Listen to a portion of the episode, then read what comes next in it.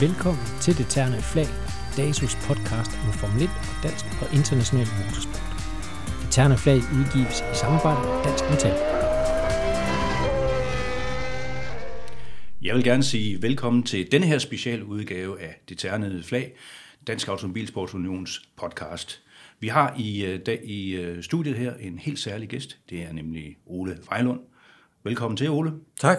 Ole er et af de seneste nye medlemmer af øh, Motorsportens Hall of Fame. Det er således, at siden 2020 har vi øh, hvert år udpeget et række kører, som har på den ene eller anden måde har gjort noget helt specielt. Og øh, da i november 2021 var Ole Vejlund en af kørerne, som blev medlemmer af Hall of Fame. Og udover mig her med mikrofonen, der har jeg så også sportschef Bo Balser Nielsen. Ja, tak. Og Ole, vi kommer vel ikke udenom at sige, at motorsport, det var ikke noget, der lå umiddelbart sådan til højre benet for dig? Nej, det var det faktisk ikke. Det var, det var bestemt ikke noget, der, der øh, lå i stjernerne. Fordi jeg havde godt nok været på Roskilde et par gange, men det var, fordi jeg var blevet hævet derned af, af mine venner, øh, som synes det var spændende at komme derned og kigge på motorløb. Ikke fordi jeg ikke kunne lide biler. Øh, jeg elskede biler. Jeg havde, jeg havde selv på det tidspunkt sådan en lille fin singer. Der, øh, Singer Le Mans hed den. men øh, øh, men, men øh, jeg blev alligevel fanget af de der cigarer på fire hjul, øh, der kørte øh, med, med, øh, med og, og kæmpede mod øh, de udenlandske kører. Jeg tror, jo, det synes jeg, jeg der fangede mig. Øhm, og øh, så gik der jo ikke så mange år, før jeg øh, ved et tilfælde kom til at køre. Og det er jo så, øh, det er jo så der, historien starter. Ved et tilfælde? Altså man kommer vel ikke... Altså, motorsport er jo en af de sværeste sportsgrene at komme i gang med. Man kommer vel ikke til at køre race ved et tilfælde? Altså, det, det gjorde jeg jo, fordi jeg øh, faktisk øh, tidligere havde kørt øh, lidt cykelløb øh, på Orderbanen, men derudover sejlede hele mit liv, lige fra jeg var lille dreng, og øh, gjorde det stadigvæk øh, på det her tidspunkt, hvor jeg så var øh, ansat som trainee på et øh, reklamebureau, øh, og havde en titel af juniorkonsulent. Det var meget fornemt. Og der blev jeg, der blev jeg så bedt om at øh, være projektleder på et projekt, der hed, at Cirkelkaffe skulle have deres øh, fine logo lagt ned i asfalten foran dommertårnet på Roskilde Ring. Så jeg måtte jo ned og se, hvad der var, jeg skulle. Og øh, jeg fik fat i Dansk Dammen Asfalt og øh, aftalt, hvordan det skulle se ud. Og nogle af tegnerne, de lavede selvfølgelig øh, en øh, rentegning af den her øh, cirkelkaffe logo, og den blev så forstørret op og lagt ud foran dommertårnet, så den faktisk fyldte hele, lang, eller hele øh, bredden af langsiden der ved dommertårnet. Og øh, mens de gik og arbejdede, så kædede jeg mig, og så var der en mand, der gik og fejrede, og så spurgte jeg ham, øh, og han var spanemester, fik jeg at vide, så spurgte jeg ham, om jeg måtte køre et par omgange i min, i min lille MGA, som jeg havde øh, på det tidspunkt. Og øh, så siger han, øh, ja, det må jo godt, men øh, kør nu ikke for hurtigt. Nej, det var slet ikke meningen. Jeg skulle bare rundt og se, hvordan banen så ud i virkeligheden. Og det gjorde jeg så, og den hylede og skreg i svingene, den her lille bil, fordi den havde jo slet ikke dæktryk til at, at køre rundt sådan et sted, øh, erfarede jeg så senere. Og, og, og øh, øh, der blev jeg simpelthen hugt, og, øh, og det var det, der var starten. Så spurgte jeg senere banemesteren, da jeg stod ud, øh, hvordan kom man egentlig i gang med at køre? Og så siger han, jamen det var noget med at melde sig ind i en bilklub, og så kunne man, så kunne man starte. Og det gjorde jeg så. Og så øh, begyndte jeg jo selvfølgelig at træne og køre dernede alle de aftener øh, og dage, man kunne. Og det var faktisk ret meget dengang. Det var, det var tre aftener eller tre dage om ugen, meget tit. Så var der nogle øh, klubløb, og så var der weekenden, så var der fast onsdags, onsdagstræning og, og så videre, så videre. Så vi kunne køre i stort set, hvad vi havde. Og, øh, og øh, det gjorde jeg så. Og så begyndte jeg at køre racerbil. Var det så i MGA'en, du, du startede? Nej, nej, det var, nej, det var det ikke. Det var det, jeg lå, øh, så, så måtte jeg skifte den ud. Men så, så havde min øh, kæreste, øh, Øh, Bodil, som jeg i øvrigt senere blev gift med, og stadig er det, hun, hun havde en øh, Mini, og så kunne jeg ligge og køre rundt i den. Altså en ganske almindelig 850 Mini. Og så kunne jeg godt øh, mærke, at det var, det var ikke rigtig noget. Øh, det var ikke rigtigt. Man kunne stort set køre med speederen i bunden hele banen rundt. Og så fik jeg, købte jeg en øh, Volvo Amazon, som øh, øh, var, blev peppet lidt. Og øh, så kørte jeg og trænede den. Og, og øh, indtil jeg så besluttede, og det gjorde jeg så allerede den øh, sæson, der kom, øh, hvor det jeg var, var foregik i foråret, Øh, og så måtte jeg have en kuber. Det kunne jeg jo se, de andre kørte i. De kørte jo sådan en, en, en, en kuber. Ikke en kuber S, fordi det havde jeg ikke råd til, men en almindelig lille kuber. Jeg tror, den hedder, ja, den var 998 kubik, eller jeg ved ikke rigtigt. Noget i den retning. Og øh, så stillede jeg op et første løb og, og tilmeldte mig, og øh, så var jeg lige pludselig racerkører. Og øh, det var en øh, rigtig fin debut. Øh, jeg øh, var øh, vanvittigt hurtig, så jeg startede bagerst. Øh, og, og det, var, det var det første chok, jeg fik. Det andet chok, jeg fik, det, det var i selve starten. Hvor meget de larmede bilerne. Øh, og det er jo sådan en sjov ting, for der havde jeg jo ikke lært, at man skulle have ørepropper i. Så det var simpelthen, det er bare en ting, jeg husker, altså hvor voldsomt øh, støjen var øh, der holdt bag os der og startede. Og så gik starten, og jeg kørte jo selvfølgelig, da de andre kørte. Og øh, øh så kom jeg op under øh, Lukasbroen og drejede rundt til venstre. Og så var der en anden mini, en rigtig racermini, øh, som bare klemte mig op i øh, op af, af skråningen. Så jeg på et tidspunkt, så lagde bilen sig om på siden. Så det var jo en god debut. Altså, jeg fik det jeg kørte, jeg kørte, ja, jeg kørte vel i øh, 3-4 minutter eller sådan noget. Så måtte jeg jo hurtigt ud af bilen og resten op og køre videre. Men jeg tror ikke, øh, resultatet blev særlig godt. Til gengæld, så var der en kvik fotograf fra Spanske Tidene, der havde taget min, øh, min tur på siden der, og lagt den ud i, øh, i en lille billede på fire, på fire billeder, hvor jeg først ligger på siden, hvor jeg så kravler ud af døren, rejser den op og hopper ind og kører videre. Så jeg blev verdensberømt den allerførste dag, jeg var ude at køre.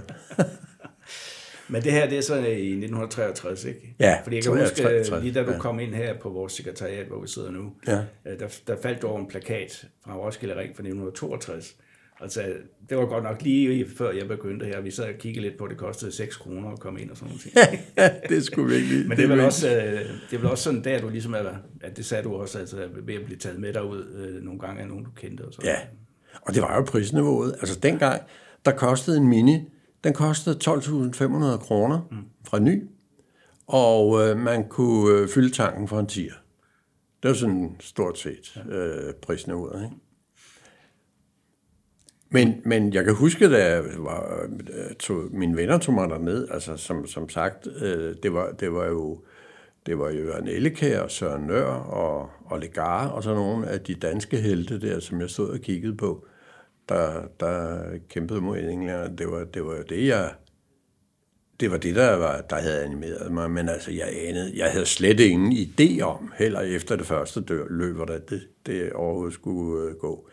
Men den her lille kuber, den blev så, den forsøgte vi så at, at tune lidt, og, og det var, det var øh, hos, øh, hvad pokker var det nu, han hedder? Øh, nå, den, den må hænge lidt. Øh, som som øh, altid havde en strikkehue på om sommeren også. Men den gik i stykker. Den gik altid i stykker, den lille bil. Den ødelagde plejlejerne, så det opgav vi det der projekt. Men nu sagde, nu sagde du, at, at du, I var helt blanke, altså I vidste ikke noget om det, men havde du ikke en mekaniker, eller, eller havde du bare nogle venner til jo. det? Og... Jo, jeg havde, jeg havde øh, ham, der, der, der tunede bilen for mig. Øh, han, Bernd Hansen, det var Bernd Hansen, som havde en lille, øh, lille værksted ude på Roskildevej, hvor der var flere andre, blandt andet Hans Trapp Nielsen, som var en af mine venner, han havde, øh, han havde øh, sagt, at, at han kunne lave sådan noget. Og han var så også med til, øh, race. Men, men, øh, men ikke desto mindre, så gik den i stykker. Mm. Den, den, vi kunne aldrig få den til at holde et helt løb. Når den kørte, så kørte den faktisk meget godt. For det lykkedes mig at, at, at prøve under træningen. Altså, jeg kan huske en almindelig træningsaften, kunne jeg følge med Arne Ries øh, rundt. Og, øh, men så blev jeg mere optaget, og så faldt jeg over en Lotus Elan, jeg læste om. Og så købte jeg sådan en. Og det var så altså en, en, en sportsvogn? Det var en sportsvogn, ja. Og, og øh, ja, den var jo, den var jo sjov, øh, og, og der skulle ikke gøre så meget. Den kørte. Og øh, der kørte jeg så i en klasse dernede, der hed øh, serieproduceret sportsvogne. Og øh, det var sådan noget Triumph for Healy og MG, øh, A og B'er og så videre, så videre. Og de larmede, og de drønede, og eller den sagde ingenting. Og for at, at, at gøre mig lidt interessant, så lukkede jeg selvfølgelig motorhjelmen op mellem hitene og, og pudsede tænderne og satte dem i igen. Men den var, den var bare så god, mm. så den kunne jeg, jeg, jeg kørte bare, så, så vandt jeg. Det var nemt. Det var, det, var, det var en god bil. Men du blev jo også kendt uh, lidt for dit uh, samarbejde med Lotus, i hvert fald i, den, uh, i begyndelsen af din karriere. Ikke? Fordi den her Elan, den blev jo så senere skiftet ud til en Lotus 23. Ja, det er rigtigt.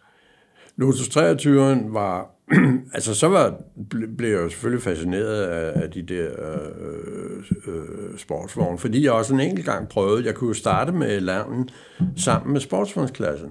Altså de, alle de der Lotus øh, Le Mans biler, vi havde, og sådan en enkelt Cooper Bobtail, og hvad det nu var, vi havde.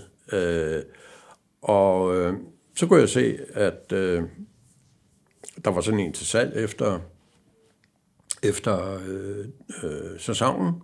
Øh, en mand, der hed Sid Fox. Han vandt det engelske mesterskab, og den var altså billig, øh, forholdsvis billig, så jeg rejste over og kiggede på den. Og øh, så købte jeg den. Og vi kunne ikke rigtig få motoren til at holde på den, men, men øh, når den kørte, så kørte den godt. Og øh, den var selvfølgelig, øh, den var selvfølgelig de ældre Lotus øh, Le Mans-biler, Lotus 11 og så videre overlegen, det er klart. Den var, den var bare meget hurtig. Men det gik, det gik den sæson så øh, stort set med, og øh, jeg tror, jeg vandt et eller to løb, øh, og gik af alle de andre. Så det Men var du begyndte jo også at bevæge dig lidt uden for Roskilde, kan man se. Altså, du har været svær i den sæson. Ja, vi, vi var en tur på, øh, på Karlskoga, husker jeg. Der kørte vi... Øh, jeg kan ikke rigtig huske, hvordan, hvem der kørte min 23 derop, men i langen, den kørte jeg på landvejen. Der havde jeg dem begge to åbenbart. På det tidspunkt var der et overlap. Og der kan jeg huske, øh, der tænkte jeg på, hvordan kommer jeg nu til Sverige med den. Øh, og der, dengang, der havde man jo sådan nogle fine emaljerede prøveplader. Mm. Så der lavede jeg et fint beslag, som jeg satte på, og så kørte jeg til Sverige med færgen, og så spurgte tolleren mig, hvad det var for nogle ord, der havde på. Så det er grænseplader. Nå, sagde han, så måtte jeg se papirerne. Og så viste han de papirer, hvor man leger pladerne ikke, og skriver under. Og, Nå, men det var fint, så kunne jeg køre til Karlskoga. Så, så kunne man gøre det. ja, det var alligevel noget af en køretur. Der, der ja, det var, det var en lang køretur, ja. ja. Så jeg, jeg tror, det samme år kørte jeg, jeg tror nu ikke, jeg havde begge biler med på en gang, det husker jeg vist lige forkert i farten, men, men jeg var deroppe med begge biler den, den, øh, den sæson. Har det været i, øh, i 65? Eller 66? Det lyder sandsynligt. 65, ja. 65 tror jeg, der ja. her i mine noter i hvert fald. Ikke? Så. Ja. Men der var der vist også en tur på Knudstorp, det ligger jo lidt tættere på, kan man sige. Ja, var jeg på Knudstrup og køre i Lotus? Øh, Lotus? I det står der her. Nå. Der står underkøbet på ja. nummer tre. Nå, okay. Jamen, der kan man bare se, ja. Jamen, altså, det... Øh, Det kan jeg faktisk ikke huske. Men det er jo, det er jo, det er jo sikkert rigtigt, når øh, Carsten skrev det. Ja, det var jo også det år, som Ring Djursland blev indvidet der, i 65. Ja, det kan jeg til gengæld, øh, det kan jeg til gengæld huske. Øh, fordi der havde, det var sådan en lille ovalbane, mm. som Legar havde lavet. Og, øh, og, og jamen altså, øh, jeg ved, at der er nogle af de tilstedeværende, der elsker det billede, hvor jeg holder inde i volden på, med min Lotus 23. og, og jeg kan lige så til huske, jeg ved ikke, hvem det var, jeg skulle overhale udenom. Og øh, i det yderspor der, der var der altså ikke andet end grus, så jeg kørte næsten med fuld fart ind i, jeg kørte næsten med fuld fart ind i, øh, i muren der. Nej, det var ikke en mur, det var en, øh, en græsvold. Men, øh, men vi havde da en sjov dag alligevel. Og så noget, der jo egentlig karakteriserer tiden, øh, så jeg var nødt til at pille fronten af, fordi alt, hvad der hed øh, beslag, som, som øh, skulle holde fronten på den der låses 23, det var jo gået i stykker. Så spurgte jeg Legar, hvad, hvad gør vi? Så siger du kører bare uden front. Nå, nå, det er godt. Så jeg kørte uden front, så resten af dagen. Og det, det gik så udmærket. Hvad gjorde du så, da du skulle hjem? Fordi du kørte vel også med den på landevejen der? Nej, der har jeg, der har jeg, der har jeg haft trailer. Okay. Ja, der har jeg haft en trailer. Det er der ingen tvivl om. Jeg tror, jeg trak med, med, med den der Volvo Amazon, som jeg havde i nogle år. Som jeg startede som med som træningsbil. Ja, det var jo, øh, det var jo nogle sjove tider. Og, og det var jo... Øh, og der, der jeg lærte Jens Christian Lagarde at kende rigtig godt. Øh, vi... Øh, vi, vi havde meget god kemi, øh, og, øh, og han, han, han var jo altså en fantastisk, entusiastisk mand. Øh, og jeg havde sgu meget fornøjelse af øh, mit, øh, mit venskab med ham. Og så gik der, hvor lang tid, hvor, hvor mange år gik der, før han så udvidede eller byggede den, den, den bane, vi kender i dag, mere eller mindre? Det var allerede op til øh, den efterfølgende sæson i 1966, at Ja. den blev udvidet. Ja, og det var jo, det var jo øh, meget, meget spændende. Øh, også fordi, øh, øh, der fik jeg jo, øh, der var jeg så heldig at, at komme til at køre mit første Formel 3. Det havde jeg slet ikke planlagt, eller troet, jeg kunne, fordi det virkede, det virkede så uopnåeligt rent økonomisk. Og, men det var simpelthen øh, en af mine rigtig gode venner øh, på det tidspunkt, som, øh, som øh, købte øh, begge Legards øh, biler. Det var hans første flotte røde øh, Brabham BT15, har det vel været. Og, øh, og øh, samtidig hans øh, Lotus, som han havde haft for om juniordagene, Lotus 22. Og det var, det synes jeg, Brodgaard, som han hed, der var, der var øh, sælger inde hos øh, Nellemann på Vordersvej.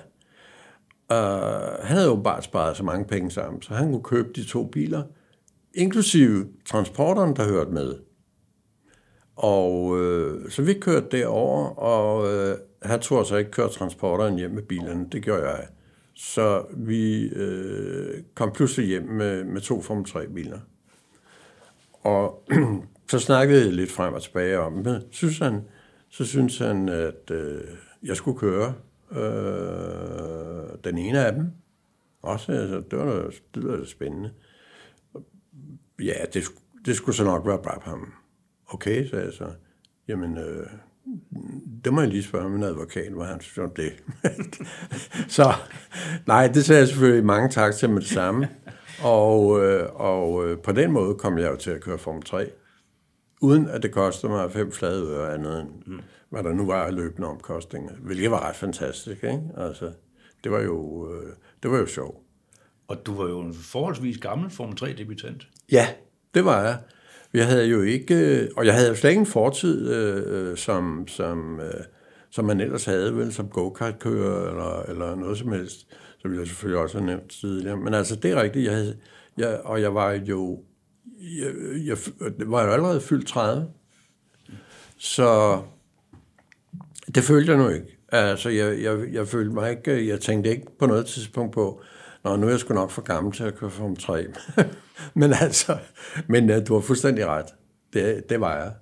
Uh, de, de fleste af mine, uh, mine konkurrenter, også dem, der kom fra Sverige, de var, altså for eksempel tænker på, på, på dem, der senere blev mine konkurrenter, som øh, Reine Vissel og Ronny Pettersson, som de mest markante. Øh, de var jo henholdsvis, altså øh, Reine var, han var fem eller seks år yngre end jeg var, og Ronny har nok været syv eller otte år yngre end mig. Så han kom jo faktisk næsten direkte fra go-kart, hvor han så kørte i, i mange år jo, mm. øh, kørte go-kart. Og øh, så det er rigtigt. Jeg var, jeg var, jeg, jeg, jeg debuterede nok øh, en 7-8 år for sent, ikke? Altså, i forhold til, øh, i forhold til andre. Men det var jo ikke så unormalt dengang. Altså, det var ikke, altså nu om dagen, der starter man jo næsten før man får taget blæen af med at køre. Ja, ja det er fuldstændig rigtigt. Øh, og man starter som regel med at køre formelbil som 14-årig. Ikke? Ja. Øh, og det er jo en helt anden verden, vi snakker om, øh, end, end dengang. Ikke? Ja, Nej, det var der ikke tale om. Altså, jeg tror, for det første kunne du jo ikke få licens, før du var 18. Nej. Det som udgangspunkt. Så det, det gav jo sig selv mm. der. Og så var det ikke, øh, så var det nok sjældent, at man debuterede i, i Formel 3. Jeg tror, man, man prøvede, sådan havde jeg indtryk af det, at for de fleste, ikke Ronny Pettersson, men Regne selv for eksempel, startede jo i, i Mini ja. og, og kørte øh, et par år før han kom over i og kørte Formel 3. Men, øh, men øh, Øh, men det er rigtigt, vi, øh, vi var. Vi, vi startede øh, i hvert fald tidligst, når vi var 18 gang. Ja. Jeg synes, jeg har, jeg har læst uh, Graham Hills biografi på et tidspunkt, og jeg mener, at jeg kan huske, at han fik kørekort som 28-årig, og så begyndte han så småt at køre lidt motorcykel, før han begyndte at køre bil, da han var 30. Han endte jo alligevel med at vinde verdensmesterskabet nogle gange. Ikke? Ja, Jamen, det, siger nok, det siger nok meget om tiden, ja. og, og, og den ændring, der er sket til i dag. Ja. Ja. Og nu er go-kart-sporten dengang var jo heller ikke det, den er i dag. Altså, det, det var jo sådan set i sin, i sin morden, ikke? Øh, altså, jeg tror, go-kart-sporten kom vel til Danmark i 1960. Øh, så det var ikke sådan, at man voksede op med go-karts, og så kørte skiftet til bil, når man var gammel nok og sådan noget. Altså, det hørte lidt til undtagelserne, at man havde en go-kart-baggrund faktisk på det tidspunkt. Ikke? Og så var det vel også således, at du dengang, tror jeg også stadigvæk, du nærmest skulle have kørekort. Øh, I hvert fald, du skulle have en rimelig høj alder for mm. at kunne starte i go-kart. Ja. Ikke som i dag, hvor du kan starte som år. Ja. Nej. Jeg kan huske, en af, en af de eneste, jeg kan huske fra den gang, der, var, øh, der havde go-kart, øh, eller havde go-kart, det var jo Jacques Nelman. Mm. Og øh, som senere øh, øh, skrev om go-kart i, i, i et blad, øh, vi udgav sen, på, på nogle år senere. Og øh, det tror jeg, han havde haft meget glæde af. Og jeg, han lokkede også mig ud og køre go-kart et par gange. Og jeg kan huske, at øh, det endte med, at vi begge to fik knækket øh, styrstængerne mm. på vores bil. I en handball. ja, men, men Københavns Gårdkartbane er jo fra 66, og der kørte man jo et VM-løb, øh, kan jeg huske. Øh, med Raganelli, som vandt den svenske pige. Ikke? Men der var Ronny Pettersen jo med, kan jeg huske. Det er nemlig. Jeg i hvert fald læst. Ja. Jeg kan ikke ligefrem huske det. Nej.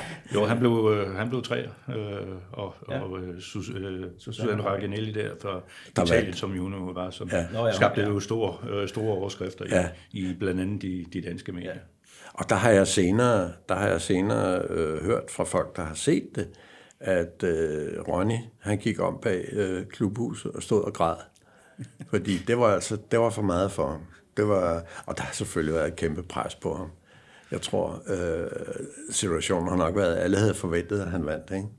Og så det, det var en voldsom nedtur. Det siger jo også om, at øh, det, var, det var den unge, det var den unge Ronny Pedersen. Mm. Men jeg tror, han kørte, så vidt jeg husker, øh, så lavede hans far jo øh, nogle Brabham-kopier, mm. øh, som han kørte i allerede året eller to år efter øh, det løb, han kørte i København. Øh, og øh, nu skal jeg lige, øh, det skal lige modnes om i baghovedet på mig. Øh, jeg ved godt, I, I, I ved godt, hvad de hedder, de der chassiser. Øh, Jamen altså, altså, Ronny vandt jo øh, Europamesterskabet i Formel 3 i en, en Tekno, og jeg mener, det var samtidig som, at I var jo nærmest mærke, øh, kørt samme mærke, kan ja. passe i 69. Men karterne, som hans øh, far byggede, jeg mener, de hed Robadi. Ja, Øh, men jeg kan, kom, kan heller ikke lige komme i tanke om, hvad, hvad den der Brabham-kopi i Formel 3, hvad den egentlig Nej. øh, hed. nej. Men jeg tror allerførste gang, allerførste gang Ronny var på øh, Roskilde Ring, der tror jeg, han kom i sådan en. Og så blev den hurtigt skiftet ud med Brabham. De kunne ikke rigtig af en eller anden grund, fordi det var en, en fuldstændig øh, minutiøst korrekt bygget kopi, men den kørte ikke, som den skulle. Og øh, så den, den, den skiftede de hurtigt ud. Og det har nok været en BT15-kopi, det kunne jeg tænke mig. Jeg har senere mødt den over i øh, England, hvor den stod op ad væggen. Den samme bil, fordi han, ham der øh, havde øh, værkstedet, hvor den stod, han sagde, jeg, jeg har noget, jeg skal vise dig her. Kan du se, hvad det der er? Så sagde jeg, at det er en, øh, det er en BT15. Ja, sagde han. Men det var altså den der, øh, Ronnie Ronny far havde bygget. Mm. Ja, Men tilbage til Ole Vejlund Ja. og hans øh, første Formel 3-sæson. Der taler vi 1966. Ja. Og øh, jamen det var, det var øh, jeg synes, det var overraskende nemt at sætte sig ned i sådan en og, og, og køre, må jeg indrømme. Altså sådan husker jeg det i hvert fald. Øh, og øh, og, øh, den, øh, og jeg fik jo kørt så meget, netop fordi vi måtte træne øh, så mange aftener og dage nede på Roskilde Ring. For jeg har jo simpelthen kørt så meget, så jeg fik enormt meget køretid. Og jeg har senere tænkt på, jamen altså, det, det, vi kørte sådan, altså jeg tænker på mm, historien om, om, om Jan Magnussen, der, var, der kørte go-kart hver dag, han kom hjem fra skole. Ikke? Selvfølgelig var manden god til mm. Og, eller selvfølgelig har han masser af talent. Men altså, vi kørte virkelig meget. Vi fik så meget kørerutine. Og det tror jeg altså hjalp mig til øh, at, øh, at, at kunne blive så konkurrencedygtig senere. Og, øh, og øh, jeg nød at køre sådan en, øh, en formbil, formelbil, øh, lige, fra, lige fra første gang, jeg satte mig ned i den. Og, og, men, men, men problemet var alligevel, at hvis man ville ændre noget på den, og godt have den til at køre lidt anderledes og, og, og, og, og bedre selvfølgelig, jamen altså, det vidste vi ikke, hvordan vi skulle gribe an. Vi anede simpelthen ikke, hvordan vi, vi kunne justere på sådan en bil. Fordi det var jo ikke noget, man gjorde på en bil ellers. Øh, de der standardracerbiler, man havde dengang, de var, som de var. Mm. Og så kørte man, ikke? Jo. Øh, vi, vi lærte jo, vi havde jo ikke lært noget. Og der kunne man tydeligt se, øh, øh, når svenskerne kom, de havde jo altså nogle erfarne kører, de kunne lære noget af. Det havde, det havde vi, vi, jeg ved ikke, hvor, hvordan det var med... Jeg så heller aldrig en kører som Jørgen Elkær, der er jo meget, meget på ringen. Øh, hvad, de, hvad de gjorde, eller hvad de øh, gjorde øh, af justeringer, men det har de sikkert gjort hjemmefra. Så vi, og vi spurgte jo ikke øh, af en eller anden grund. Så vi kørte med det, vi havde. Og øh, det gik så nogenlunde. Jamen altså, du, du kørte i hvert fald øh, for Brabham, eller brugte Brabham-mærket. Vi kan godt komme ind på lidt senere, for du har prøvet forskellige mærker og forskellige typer motorer også, fordi det fascinerer mig øh, at høre om. Ikke? Fordi det her, det er jo i 60'erne, hvor man havde de der 1000 kubikcentimeter motorer. Man kaldte dem screamers, ikke? fordi de tog så mange omdrejninger. Ikke? Ja. Men du, du holdt dig jo til Brabham i en, i en periode i hvert fald. Øh, Fra, fra du kørte Brabham 15 der, så blev det til 18 og så 21. Ikke? Øh, var der nogen kontakt til, til Jack Brabham for eksempel? Øh, Har du nogensinde mødt ham? Øh? Nej, nej. Det har jeg øh, desværre ikke, fordi det var jo sjovt. Men han var, ved jeg så aldrig, øh, virksomheden, øh, eller fabrikken hed jo Motor Racing Development, ja. og øh, var en, øh, en virksomhed, Jack Brabham havde sammen med sin øh, også australske øh, øh, konstruktør, Ron Tarnack. som hed Ron ja. tak, og, og som senere jo byggede Ralt, ja. øh, bilen. Uh, Ron Turner uh, kendte jeg og mødte med og har talt med uh, mange gange, uh, men, men, men kun ganske kort, når man var derovre. Og, uh, og uh, Brabham-bilen var, var en meget nem bil at, at have med at gøre og holde kørende. Og uh, så der var, der var egentlig ingen grund til at, øh, hvad skal man sige, prøve et andet mærke. Men det startede med, altså som du rigtig siger, de, øh, de der 1000 kubikmotorer Og de havde så en, øh, en enkelt Weber-karburator, en enkelt øh, dobbelt Weber, øh, og den var, hvor det ene af institutionerne var, var lukket, og det andet var, var så øh, øh, blokeret, så det kun var en, jeg kan ikke huske, om det var 27 mm øh, luftindsugning der. Så de var altså simpelthen øh, begrænset med, med luftindtag. Men alligevel øh, kunne de altså hive luft nok øh, ind til at komme de første sidestrømskarburerede der, de kom øh, op og køre omkring 9.000 omdrejninger. Mm. Men inden vi sluttede, det så tager så lige et hop til, op til, til 1970, for der kørte man stadig 1000 kubik. Ja. De sidste holdbanemotorer der, de kørte jo 10.500 omdrejninger.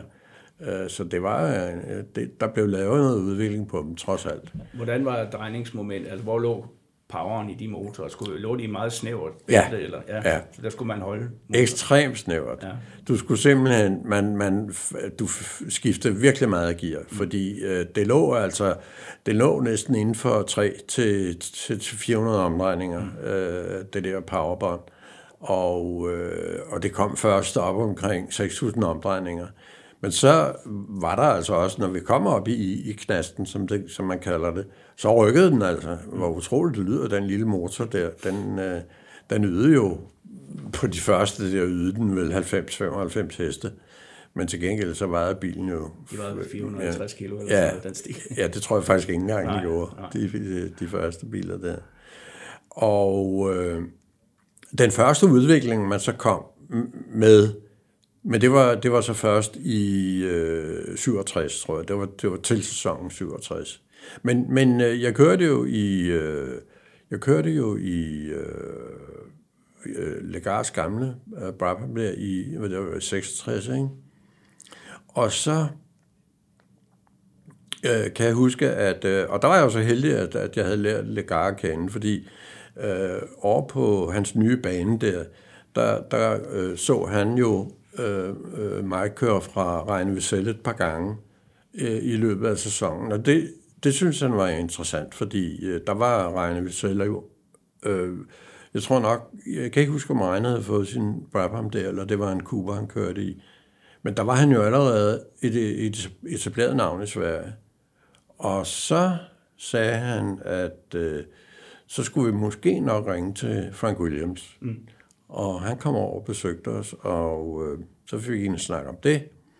Og så var jeg så heldig, at øh, jeg kunne lave den aftale med, øh, med Frank Williams, at jeg betalte, jeg tror, jeg betalte øh, 3.000 kroner per løb for at køre i den. Mm. Og, øh, og det blev så altså arrangeret igennem øh, Jens Christian, og, og øh, var en, en, en, en, en fin mulighed, og den, den eneste mulighed for mig, for overhovedet at kunne ja. gøre det her, det var, at jeg kunne gøre det sådan, at jeg så kunne spare sammen med min reklamekonsulent øh, løn der, til at få kørt et race fra, fra gang til gang. Ja. Og øh, det var, det var jo, altså udover at, at øh, bilen Nå ja, så skal jeg selvfølgelig lige huske at sige, at der var, var vist nok noget, noget leveringstid på den. Den kom i hvert fald først senere. Og der, der måtte jeg så lege en, øh, en beta 18 ind imellem. Mm. Og øh, jeg kan ikke engang huske, hvem jeg lejede den af. Jeg tror, det var Peter Blå. Og, øh, men den var altså ikke særlig... Den var lidt træt i motoren, mm. øh, kan jeg huske.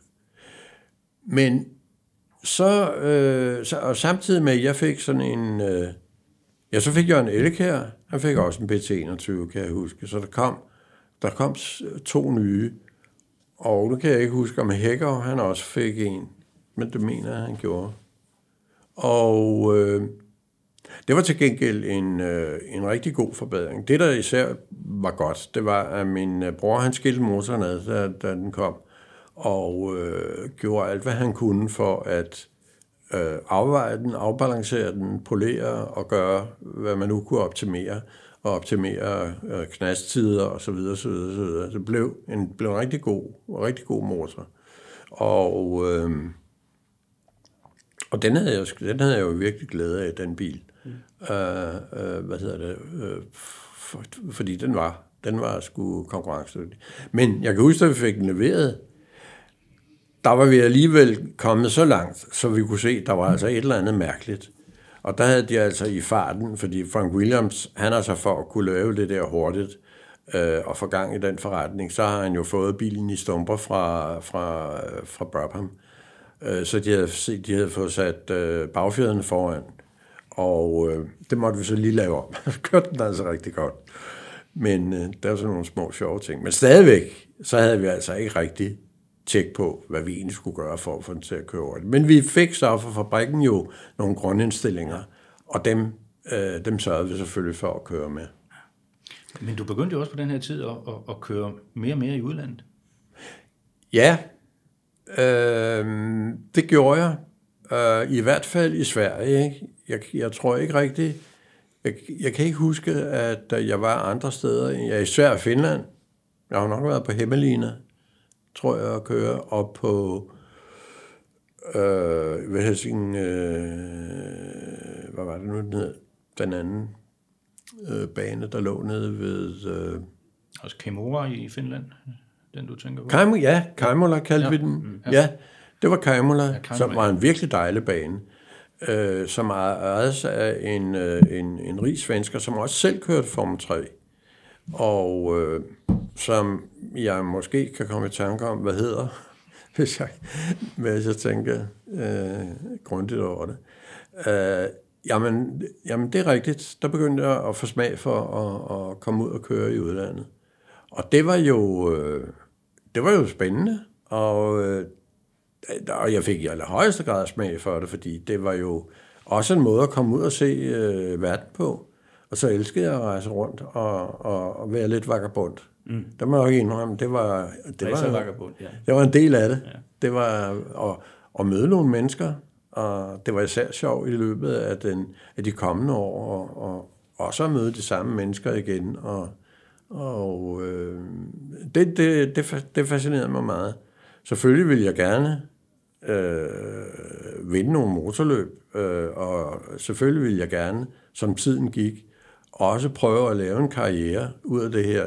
Men altså, hvor, hvor, hvordan jeg gjorde, øh, ja, det havde jeg en idé om, men jeg var ikke sikker på, at jeg gjorde det, som, som jeg burde have gjort det.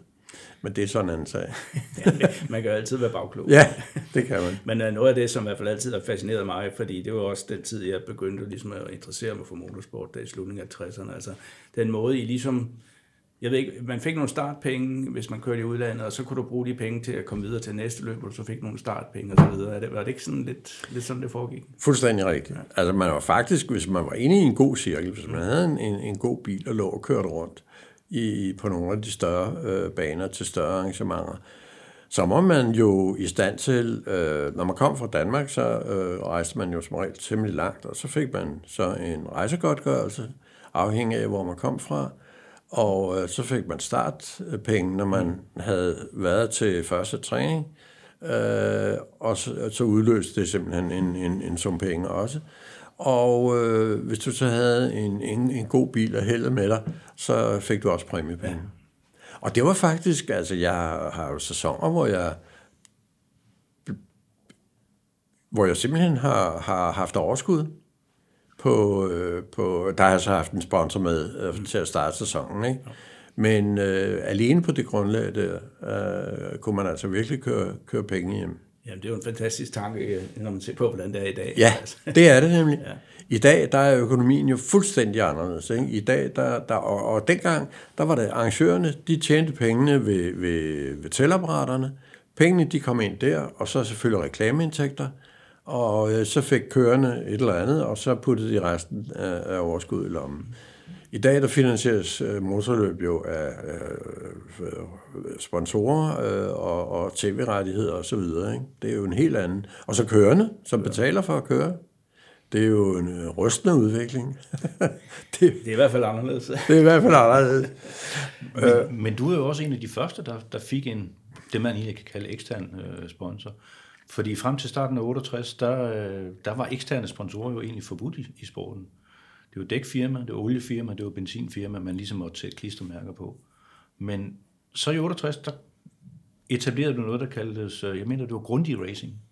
det er rigtigt. Der fik vi øh, Grundig, som, som øh, havde været udstiller på, øh, på en af vores øh, øh, udstillinger, vi havde lavet, øh, som vi måske kommer tilbage til, at, at øh, øh, hvad hedder det, øh, så vidt jeg husker, så øh, fødtes ideen i, i Group for regi, på en eller anden måde i hvert fald. Og, og vi fik øh, overtalt grundigt til at gå med ind i det der projekt, fordi de blev også fascineret af, af racing. Både fordi de, øh, nogle af, af cheferne de kom på, på Roskilde Ring, og også fordi de så øh, besluttede at deltage som, som øh, udstillere og øh, så det er rigtigt. Der fik, vi, øh, der fik jeg et, øh, et smadret godt sponsorat af, af Grundy Racing. Og kunne på det grundlag, øh, ville jeg så have bestilt en, en Brabham BT21B, øh, som Jørgen Elkær fik. Men der var simpelthen, havde, han, fordi jeg var nødt til at vente til at have pengene. Han havde allerede bestilt dem om vinteren og, og været over at tale med dem. Så han fik sin leveret til det første løb på, på, på Roskilde Ring. Øh, men så havde jeg fundet ud af, at øh, der var et nyt mærke, som Charles Lucas øh, var begyndt at lave, der hed Titan, eller Titan.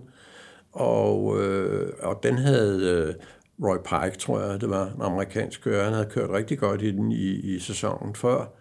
Og så tænkte jeg, jamen, øh, den, den kunne køre lige op med en Brabham. Så, øh, så må jeg have sådan en i stedet for. Nå, det viste sig også, at jeg, øh, der lærte jeg jo så englænderne sådan lidt bedre at kende, fordi hvis de siger, at der er tre års leveringstid, så var der højst sandsynligt seks uger, og så videre. Så det øh, måtte vi... Øh, det måtte vi så øh, opgive. Men så var der en herre, der hed Barry Carter, som havde sin gang i Danmark, hvor han opkøbte gamle racerbiler. Og øh, han sagde, jamen, øh, sådan en kan jeg skaffe. Nå, hvordan? Ja, men det kunne han. Han, kunne, øh, han kendte nogen hos, øh, hos Lukas, så det kunne han finde ud af. Og det tænkte jeg, om det var dejligt. Og så, øh, så fik vi også en sådan på en relativt øh, øh, gode vilkår øh, tidligt øh, og, og, og så videre. Og det var jo så pludselig... Øh, det oplevede jeg jo. Jeg havde stadig den hvide Brabham, Frankie Williams øh, Brabham. Den havde jeg i starten af sæsonen 67, fordi den kunne jeg så beholde. Uh, men vi vidste godt, at Frank Williams ville godt have den tilbage, fordi den skulle sælges. Og, uh, så, og der spurgte jeg med ham, om ikke jeg kunne købe den, så han havde altså solgt den til en anden. Fordi så skulle jeg altså have sagt det lidt tidligere. Øh, så det var han ikke forberedt på. Han kunne ikke sælge den to gange. Eller han kunne ikke sælge den til mig, når han havde lovet til anden. Han havde bare skrevet en aftale, hvilket var afsindig ærgerligt, og har sikkert ødelagt rigtig meget øh, for mig, når man, når man tænker når man tænker karriere, hvad, hvad har jeg så gjort? Øh, det har jeg jo så gjort bagefter. Men øh, fordi det gik fuldstændig galt, øh, det der øh, Titan-projekt. Men øh, der havde de jo så fået motoren, som du nævnte før, øh, der havde Lukas, netop Lukas, øh, fundet ud af at øh, bore ned, så de fik faldstrømsfyldning øh, af, af topstykket, så de fik øh, karbureringen oppefra, i stedet for ind fra siden. Det gav en bedre fyldning. Mm. Så derfor, så de fleste af de der øh, gamle formtræer, vi kender, de har den der typiske kammerater, der stikker lige op i luften bagpå. I starten, der sad det nede på, øh, på siden. Og sådan en havde Elkær jo fået, og, og den var hurtig. Og jeg kan huske, at jeg skulle virkelig gøre mig umage, hvis jeg skulle køre fra ham, også, også på Roskilde Ring. Og øh, hvad hedder det... Øh, og sådan en sad der selvfølgelig også i den, jeg fik. Den blev så lavet til en meget flot øh, øh, grundig racingbil, og blev præsenteret og, og, og en masse halløj. Og øh, så skulle vi ned og træne i den, og det var så, det var så mindre morsomt, fordi øh, det der øh, faldstrømskarburator øh, system med en manifold, der gik ned op fra topstykket, det lækkede, så der kom vand ind i cylinderne. Og øh, da vi tog topstykket af, der kunne vi se, at øh, det var sgu ikke nogen ny motor. Der var mærker af ventiler i stemplerne. Og da vi skulle skifte gearinger, der kunne vi altså se, at det var ikke nogen ny gearkasse. Og øh, øh der, der, der startede så øh, problemerne, og det vidste vi ikke rigtig, hvordan vi skulle gribe af. Det næste, vi så fandt ud af, det var, at rammen var pilhammerne skæv. Mm. Så researchede jeg lidt, fordi så var, gik vi selvfølgelig Barry Carter, så vi havde købt bilen af, så vi skaffede den. Han var gået under jorden. Han var væk. Sjovt nok. Ja. Og øh, Lukas kunne fortælle mig, at den ramme, den var, øh, der er en privatkører, der havde testet i foråret og, og, øh, øh, og banket op i, i skråningen på Mary Park. Så den vidste han godt var rigtig skæv. Nå, og det, var, og det var sådan noget med, at når du satte den op på en vægt, dengang havde vi jo ikke cornervægte, der havde vi badevægte, men det er jo lige meget, det, det udgjorde det. Der var vi kommet lidt videre med hensyn til at sætte, uh, sætte biler op. Uh, men det var sådan noget med 50 kilos forskel fra i diagonalen, og det var jo meget, meget svært at køre med. Og, uh, og så, vi vidste jo ikke, hvad vi skulle gøre, fordi vi, vi kunne ikke, hvis vi skulle svende bilen over og, og få en ny ramme, eller rette den op, der havde for det første ikke økonomi til, og vi havde heller ikke tid, fordi vi skulle altså ud og vise os frem øh, for vores sponsor. Vi skulle ud og køre nogle løb, og der lå løb øh, tæt, og øh, hvad hedder det, øh, jeg kan huske, at motoren, vi gik og ventede en hel måned på at få motoren tilbage fra England, den havde sagt Nelman, jeg hørte med tilbage til mig. Mm og, øh, og øh, det, var jo, det var jo ikke sådan, at jeg kunne fortsætte øh, min relativt øh, gode kørsel, som jeg, som jeg havde, øh, som jeg havde haft i, i Brabham. Øh, men og så fik jeg senere på sæsonen, der fik jeg jo så, øh, vi fik selvfølgelig lavet de der ting, så bilen kunne køre, eller, eller øh, motormæssigt og gearkassemæssigt, der, der kom den jo til at køre. Og øh, hvad hedder det, øh, så fik vi øh, Trevor Blokdyk, som, som øh, øh, sydafrikaner, dygtig Form 3-kører fra den gang. Han øh, kom med ind i teamet, og han havde også en Titan, så det, det, de blev så øh, to øh, tvillingebiler. Og øh, hvad hedder det? Øh, øh, så det var egentlig et, et meget præsentabelt team, som vi så også havde lavet lidt show med på, på, til Grand Prix på, på Roskilde Ring, øh, hvor, vi, øh, hvor vi havde et par øh, dejlige bare damer med ud at køre i pausen som magte opsigt. Det var jo, det var jo vi, vi, vi, vi, fik, vi fik lavet meget god øh, promotion ud af det der projekt. Altså, det var, øh, Grundig var glade, og de fik, øh, de fik øh, deres penge hjem. Altså, de, de, de synes, det var en god investering, de havde gjort. Men øh, for så vidt angår mine resultater, og, og der, var, der var det ikke godt. Det var det ikke. Det var, det var en ødelagt sæson. Ja, og vi taler om 1968, tror jeg. Ja. Kan passe, ikke? Altså, så, ja. Så hvis jeg kigger lidt, uh, lidt frem til, til 69, der, så, så går du så også væk fra den der Titan igen. Ja. Uh, og så prøver du noget nyt, nemlig noget italiensk. Ja. Techno. Så prøver, så prøver jeg techno, ikke? Fordi nu havde både mine, mine, mine to kompetenter og venner der, Ronny, Ronny Pedersen og Ryan Vissel, de kørte begge to techno øh, på det tidspunkt. Ikke? Ronny, han skulle øh, have sin techno nummer to, og øh, vi drønede ned til fabrikken sammen, fordi Ronny han skulle have sin øh, leveret ugen før mig. Mm. Så vi tøffede derned i hver sit øh, køretøj. Og øh, selvfølgelig var de ikke færdige ugen efter, som det var aftalt. Øh, så italienerne var for, for så vidt ikke meget bedre end, øh, end englænderne, men, men de knoklede øh, for at gøre dem klar. Men øh, vi boede dernede, øh, Ronny med, sammen med sin øh, bror, boede i, i sine uh, transporter, og vi havde, uh, Øh, vi havde en lille campingvogn med dernede, vi boede i, så vi havde det sgu skægt. Og samtidig var der en englænder, han skulle så have en techno efter mig, der hed øh, Peter Gateren. og øh, vi, vi kørte til stranden, og vi spillede fodbold, og vi gik og, og, og drillede øh, arbejderne inde på fabrikken og, og så videre. Og lærte lidt italiensk, fordi det var, vi, vi, de kunne ikke andet. Det var, det var simpelthen øh, hvad hedder det, bossen, han kunne lidt engelsk. Han hed Peter Sarni. Og øh, han øh, var en meget øh, succesfuld industrimand. Jeg tror nok, i virkeligheden var Tekno, det var noget med, at de lavede, de lavede pumper eller ventiler eller sådan et eller andet, øh, samtidig med, at de lavede øh, go-karts i sin tid. og øh, Ronny, han øh, var selvfølgelig ikke i tvivl om, at han skulle have en Tekno, fordi havde han kørt i forvejen. Så når de nu lavede en Tekno 3, så skulle det selvfølgelig være det. Mm. Og det synes jeg bestemt også, jeg skulle. Og jeg gjorde så det, at jeg øh, valgte, fordi Tekno også lavede motorer. Og det, det havde til synligheden været rigtig godt. Det havde jeg da kunne se på nogle resultater. Jeg tænkte, jamen altså, så har man service samlet et sted. Ikke?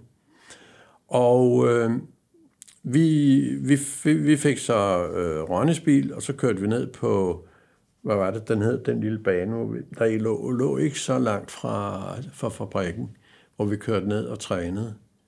Og, øh,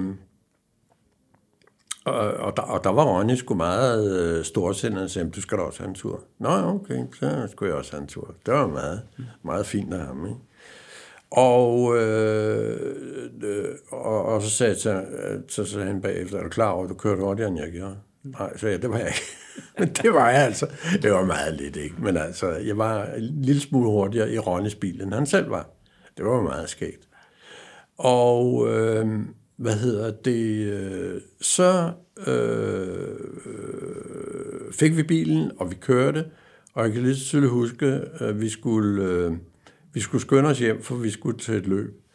Så vi kørte øh, over den der store øh, øh, grænse, der er ved... Øh, jeg kan selvfølgelig ikke huske, hvad den hedder.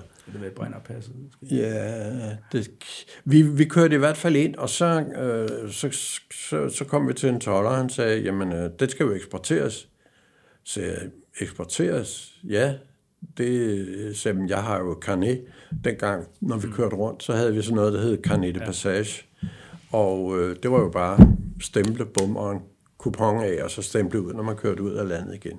Nej, det kunne man ikke. Så sagde jeg, hvor, hvorfor kan jeg ikke det? Ja, fordi det, det, den skulle eksporteres. Den var, det var en italiensk bygget bil. Nå, sagde jeg så, men, men hvad gør jeg så? Ja, så må jeg ned på fabrikken og lave nogle papirer, og så, så, og så sagde jeg, det kan jeg jo ikke. Så heldigvis, så lå øh, uh, RSC, de havde et kontor, der lå nede ved den grænseovergang, og jeg vidste, at de var jo med i det der system med Carnet. Og så gik jeg ind og forklarede ham det, så sagde han, hvem er det? Jamen, det er ham og ham, der står der. Sådan, han har fuldstændig bedt i hovedet. Så sagde jeg, jamen, så må man da, kan man ikke tale med, med ham, der er chef hernede. Han må da vide, hvordan det fungerer. Det er ham. Okay, det var dejligt, fordi så havde vi jo et problem. Og jeg lige til huske, at jeg var, jeg var rasende. Og, øh, men så så jeg pludselig, at øh, der var et sted, hvor der kørte lastbiler over. Så sagde jeg, det kører vi sgu bare sammen med dem. Så jeg kørte over til lastbilerne, og øh, lige da jeg blev sluppet igennem, for det gjorde jeg, så så jeg, at han kom ud af sit bur og kom løbende tværs hen over den her øh, tolstation og løb efter mig og råbte og skreg som en sindssyg. Og jeg kørte jo. Og så øh, var der sådan en, en stor bro over til Schweiz. Man kørte hen over sådan en, en, en, en dal. Og der kom han hjælpen løbende efter mig ud på broen der og råbte og skreg. Men jeg var så meget foran, så tolleren han spurgte, hvad foregår der?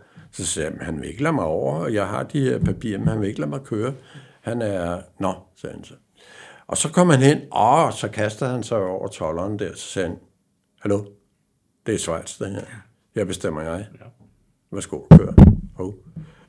Og så måtte han altså luske slukket tilbage. Nå, det var jo det var sådan en helt anden historie. Men, øh, men da vi så kom, øh, da vi så kom øh, til øh, hjem, der skulle vi køre, jeg tror, der var åbningsløbet på... Øh, altså ikke åbningsløbet, sæsonens åbningsløb på, på Anderstorp. Og der øh, blev jeg så overfaldet af nogle journalister, fordi der, der gjorde de så et stort nummer ud af, at nu skulle øh, Ole og Ronja og Reiner altså køre i hver sin techno, og det kunne blive spændende, og det, kunne, det var nok, og det kunne blive et drama. Altså, det gjorde de det i hvert fald til, ikke? Så sådan, det er jo typisk. Mm. Gætter man jo sådan nogen. Og øh, hvad hedder det? Øh, og vi kom ud og køre, og den, den skød altså ikke fem knop, som man plejer at sige. Den kunne slet ikke kom ned ad den lange side. Der kom nogle gamle øh, havelåger, øh, og ras, de raslede bare forbi øh, mig ned ad langsiden. Den havde et fint moment. Den trak ud af svingene, og så gik den øvrigt i stå. Og så tænkte jeg, det her, det var virkelig håbløst, det her projekt. Og vi, vi, vi kiggede på min bror kiggede på den, og vi kunne altså ikke, øh, vi kunne simpelthen ikke finde ud af, hvad der var galt med den. Og øh, øh, vi stillede øh, tændinger, hvad man nu kan gøre. Nå, det endte med, at jeg måtte køre med den, som den var. Og så, øh, så skulle vi køre på, øh, på øh, Nej, det var det første, da vi kom hjem. Undskyld. Så kørte vi, så kørte vi ned til fabrikken og sagde, den her, det, var, det, det, det fungerede ikke så godt. Og han øh, var ked af det og kiggede på motoren.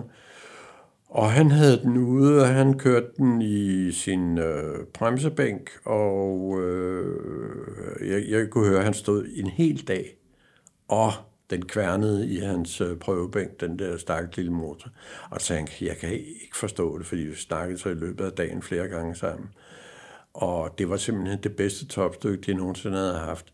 Det var, øh, det var et, øh, hvad hedder det, tid, det er en tidligere, øh, tidligere øh, franske Formel 3-kører, øh, som også havde øh, kørt Tekno, som, som blev Formel 1-kører, som øh, desværre blev slået ihjel over i USA. Han havde haft det der topstykke og kørt med stor succes. Det var jo lige præcis François Sever. Ja. Det var Severs gamle topstykke, og det havde de netop gemt, fordi de vidste, det var så godt, og blad blad. Og øh, så sagde han, ja, men nu, øh, jeg kan godt se, der er et eller andet, men den, men den yder det, den skal. Nå, det er jo, nå. Så må, kørte vi hjem, og den var ikke øh, en skid bedre, end da vi kom, fandt vi så ud af. Og øh, det øh, endte så med, bortset fra, at jeg kørte et enkelt løb i, øh, jeg kørte et enkelt løb i, på Silverstone med den øh, i regnvejr. Det var jo det første gang, jeg kørte på Silverstone, og det var meget specielt, fordi vi kom for sent derover, og øh, så vi fik ikke kørt træning. Jeg kan ikke huske, der var et eller andet med noget stormvejr. Og øh, så fik jeg at vide, øh, så spurgte jeg så, øh, for det måtte man jo selvfølgelig gøre, for jeg aldrig havde kørt på banen, om jeg overhovedet kunne få lov at køre. Ja, det kunne jeg godt. Startede 15 yards behind the grid. Nå, okay. Jamen, øh, og jeg havde kørt en eneste omgang, og det styrtregnede. Heldigvis er det jo sådan på Silverstone, at der er skilte før svingene, hvor der står, hvor langt der er ned til, til svinget, og hvad vej det drejer.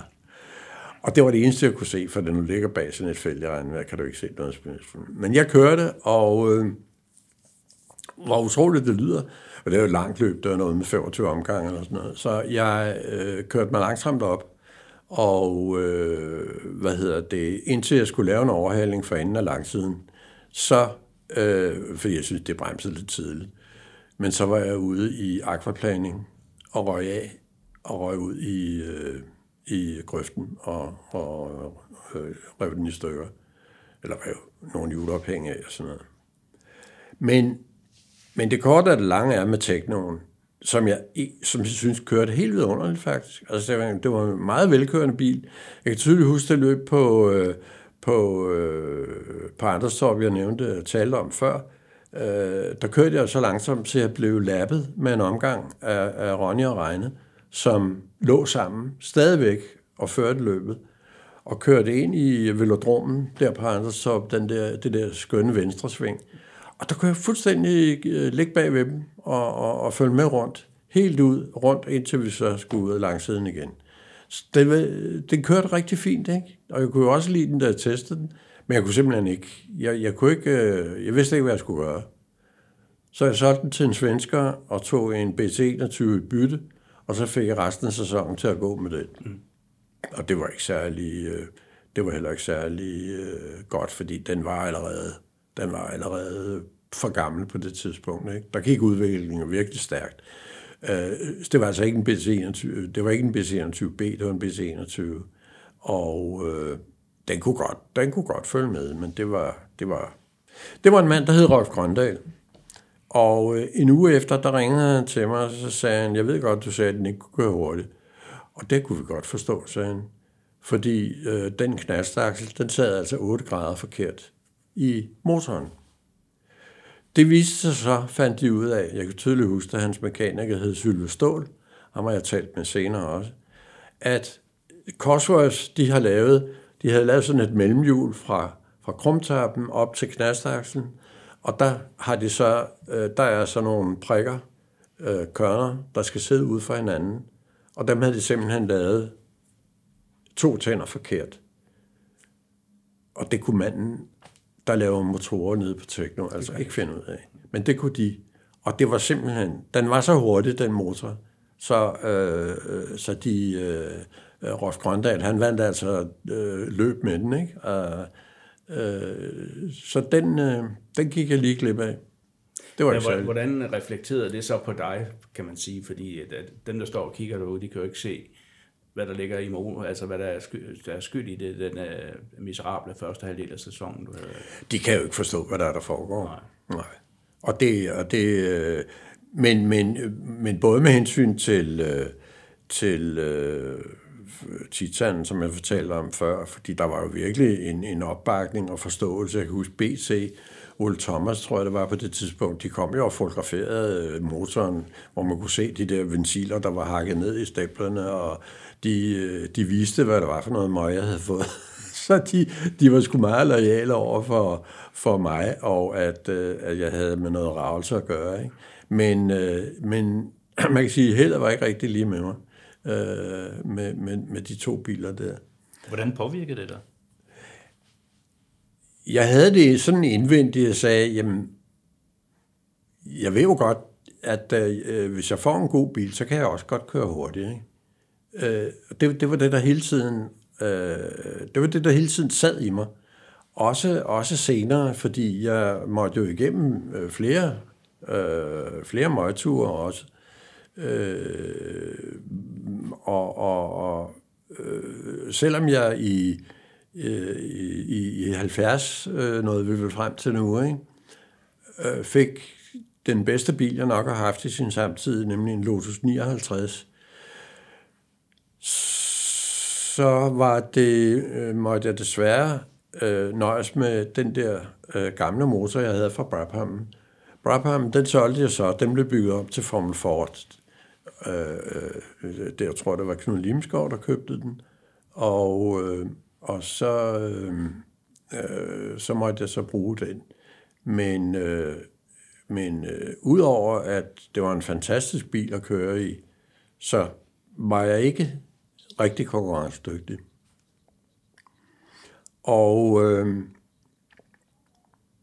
jeg vidste ikke, hvad jeg skulle gøre, for jeg havde ikke penge. Jeg, jeg havde øh, Tjerborg som sponsor, men det var ikke noget sponsorat, der var så stort, så, så øh, det, kunne, det, det både kunne øh, dække en ny bil og en ny, øh, en ny øh, motor.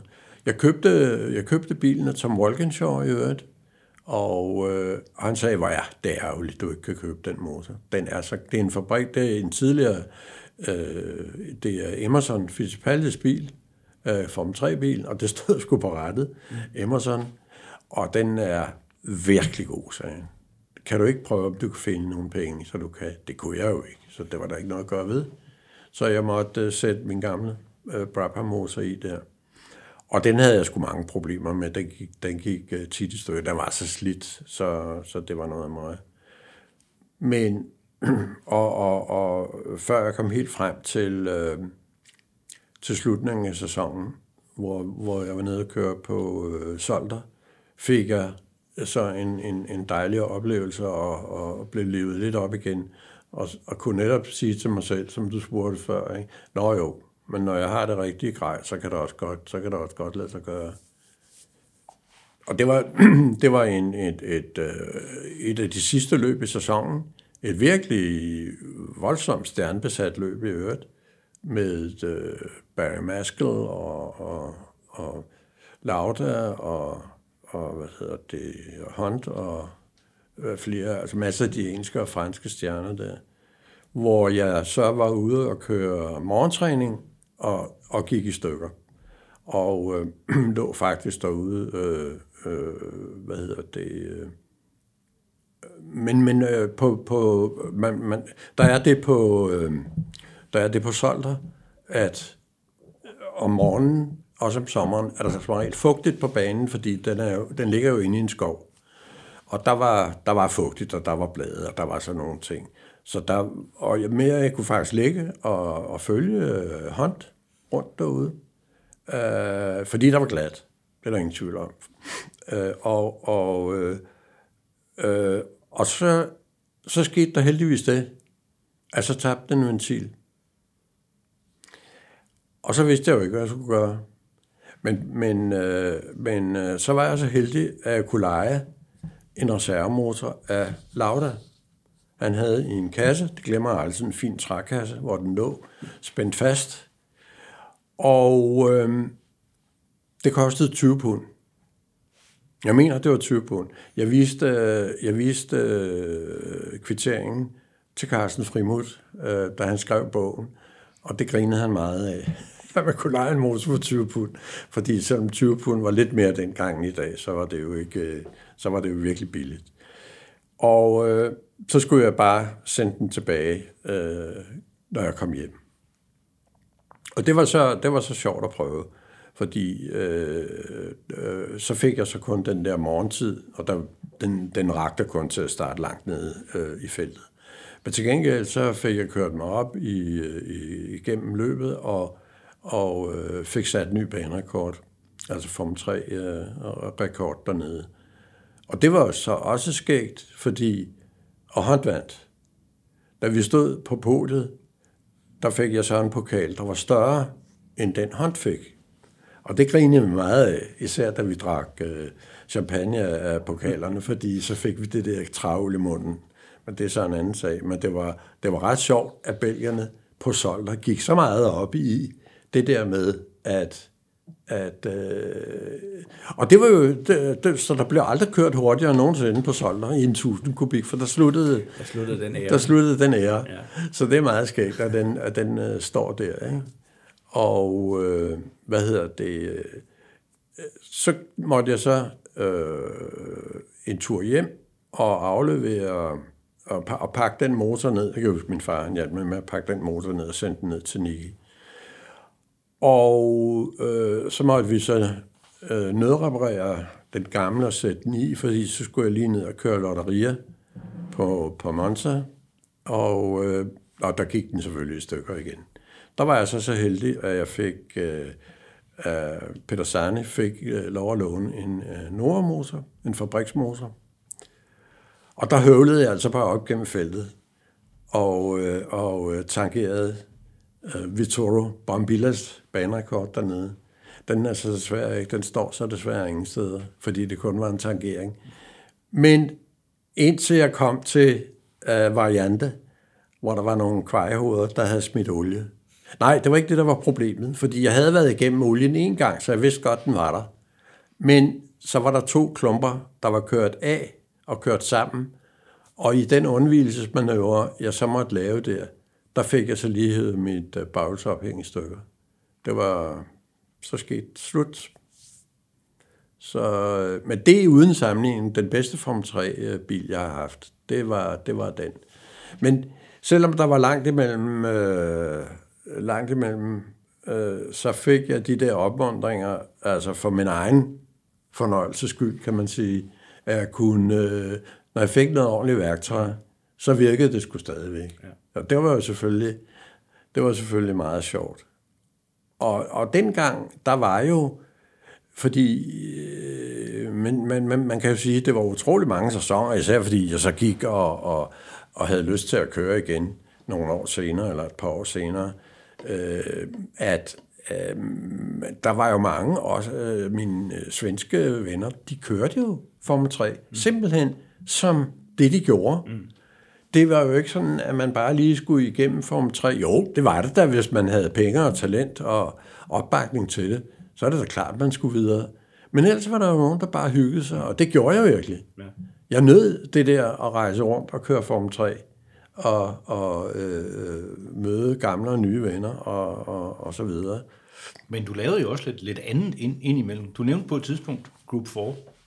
Ja, det var jo, det var jo så øh, måtte vi jo øh, udtænke en måde at, øh, at tjene lidt penge.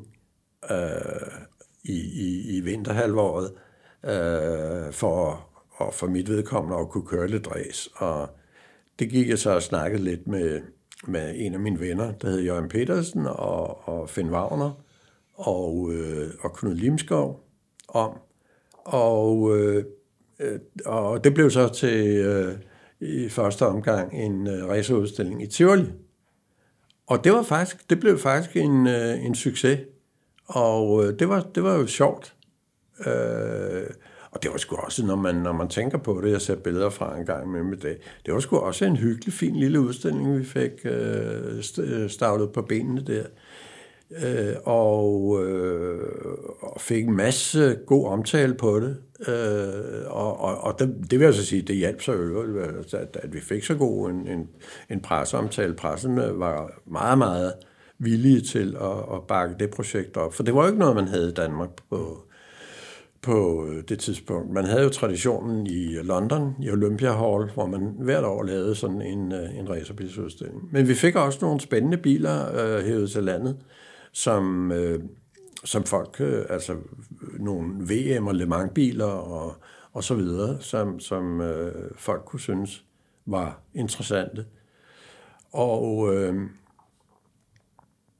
og jeg kan huske, at øh, vi havde jo blandt andet en, øh, en øh, GT40, som Ford øh, hjalp os med at stille til rådighed. Det var en John Wire-bil, øh, som ikke var en, en reservation, men, men den var fuldstændig identisk med en reservation for så vidt, at den var roast-jointed og, og så videre, men det var en øh, standard motor, der lå i den, så den kunne køre på landevejen, og den havde engelske nummerplader på.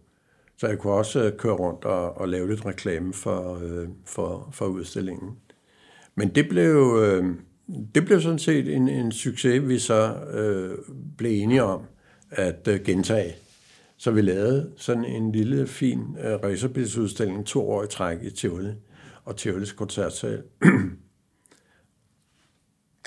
og det en, en, en kæmpe succes i den forbindelse var i øvrigt vores biograf, fordi vi kunne bruge øh, hele, hele teatersalen derinde, eller koncertsalen i Tivoli, til biograf. Og dengang, der, der var der jo masser af rigtig gode film, som, som benzinselskaberne og dækfirmaerne, de havde øh, til rådighed, som man kunne låne. Og de kørte stort set for fulde huse, fra vi åbnede til vi lukkede. Så det var altså en, øh, øh, en, kæmpe, en kæmpe succes at have den der lille biograf i forbindelse med udstillingen. Det var faktisk meget sjovt. Ja, og øh, Året efter, der gentog vi det så, og øh, det blev faktisk også en succes. Den øh, første år, der øh, øh, spurgte, nej, der tænkte vi, jamen altså, når det kan lade sig gøre i København, så kan det også lade sig gøre andre steder. Så vi øh, lavede en aftale med Herninghallerne, og så flyttede vi hele udstillingen til Herning, og øh, jeg har aldrig set noget lignende da vi åbnede, altså et par timer efter, der var åbnet, der kunne man stort set ikke bevæge sig igennem øh, det område af Herning, her, hvor vi havde, øh, hvor vi havde udstilling. Så mange mennesker var der. Det var altså virkelig fantastisk. Og det kan, det kan jeg så bekræfte, fordi jeg ja. tror nok, jeg var der i 1970. Ja, okay. Ja, det var helt Men jeg vidste ikke, det var dig, der stod bag det. Så. Men altså, det var jo en måde at, at tjene nogle penge på, ikke? Ja. og det var en måde at overleve på henover, fordi du fik jo ikke øh, kørt så meget de næste par år Nej. 71 og 72, det var kun lidt sporadisk, ikke? Det var kun sådan, hvad jeg lige kunne få Færdal til at, på, på Jyllandsringen. Han synes, jeg skulle lige køre med i Grand Prix, ja. eller... Og det var også nogle dødssyge biler. Altså, når man mm. leger sådan en bil der, det, det, det dur jo ikke. Nej. Men jeg fik det bare kørt, så det var, det var da meget sjovt. Uh, nej, f- øh, øh f- ikke før i, i 73. Der, der synes jeg så, at Jamen altså, jeg synes ikke, at jeg skulle stoppe med at køre racerbil. Og øh, jeg ved ikke rigtig, hvad min, hvad mine mål var. Men øh, jeg så da i hvert fald, at der var sådan en øh, intern, som havde gjort det meget godt øh, til salg. Og øh, jeg fik så at vide, at den stod på udstillingen, øvrigt netop over på den engelske racerbilsudstilling i London. Jeg så og kiggede på den, og jeg lavede en, øh, en øh, aftale om, at øh, jeg kunne købe øh, bilen som rolling Sassy, mm. fordi igen havde jeg ikke råd til at købe en bil med en motor. Så jeg måtte ud og finde mig en eller anden, jeg tænkte, jeg kan sgu nok finde ud af. Der var det jo blevet, der var det, der var det jo så blevet 1600 ja. kubikmotorer. Ja. Og det var øh, Twin Cam, den, den lille fine Ford Twin Cam, øh, som jo var født øh, til det, når det netop var 1600 kubik. Så sagde jeg, jeg finder sgu ud af sådan en. Der var det jo ikke nogen øh, dyr motor øh, i den forstand, ligesom de der øh, senere øh, øh FVA og, og BDA-motorer, der kom, som var jo almindelige standardproduktionsmotorer. Altså man tænker på, hvad de koster i dag, de der motorer. Selv en lille twin cam motor er jo voldsomt kostbar. Mm. Så jeg regnede med, at det kunne jeg, det kunne jeg nok finde ud af et eller andet. Og øh, så jeg fik den som rolling chassis, og den... Øh, og, og så havde jeg på forhånd jo snakket lidt med øh, Jacques Nellemann. Han havde en liggende i sin Palliser. Han havde sådan en Palliser. Jeg kan ikke rigtig huske, hvor meget han kørte i den, men han havde en Palliser Form 3, 1600 kubik, med sådan en motor i der. Og, øh,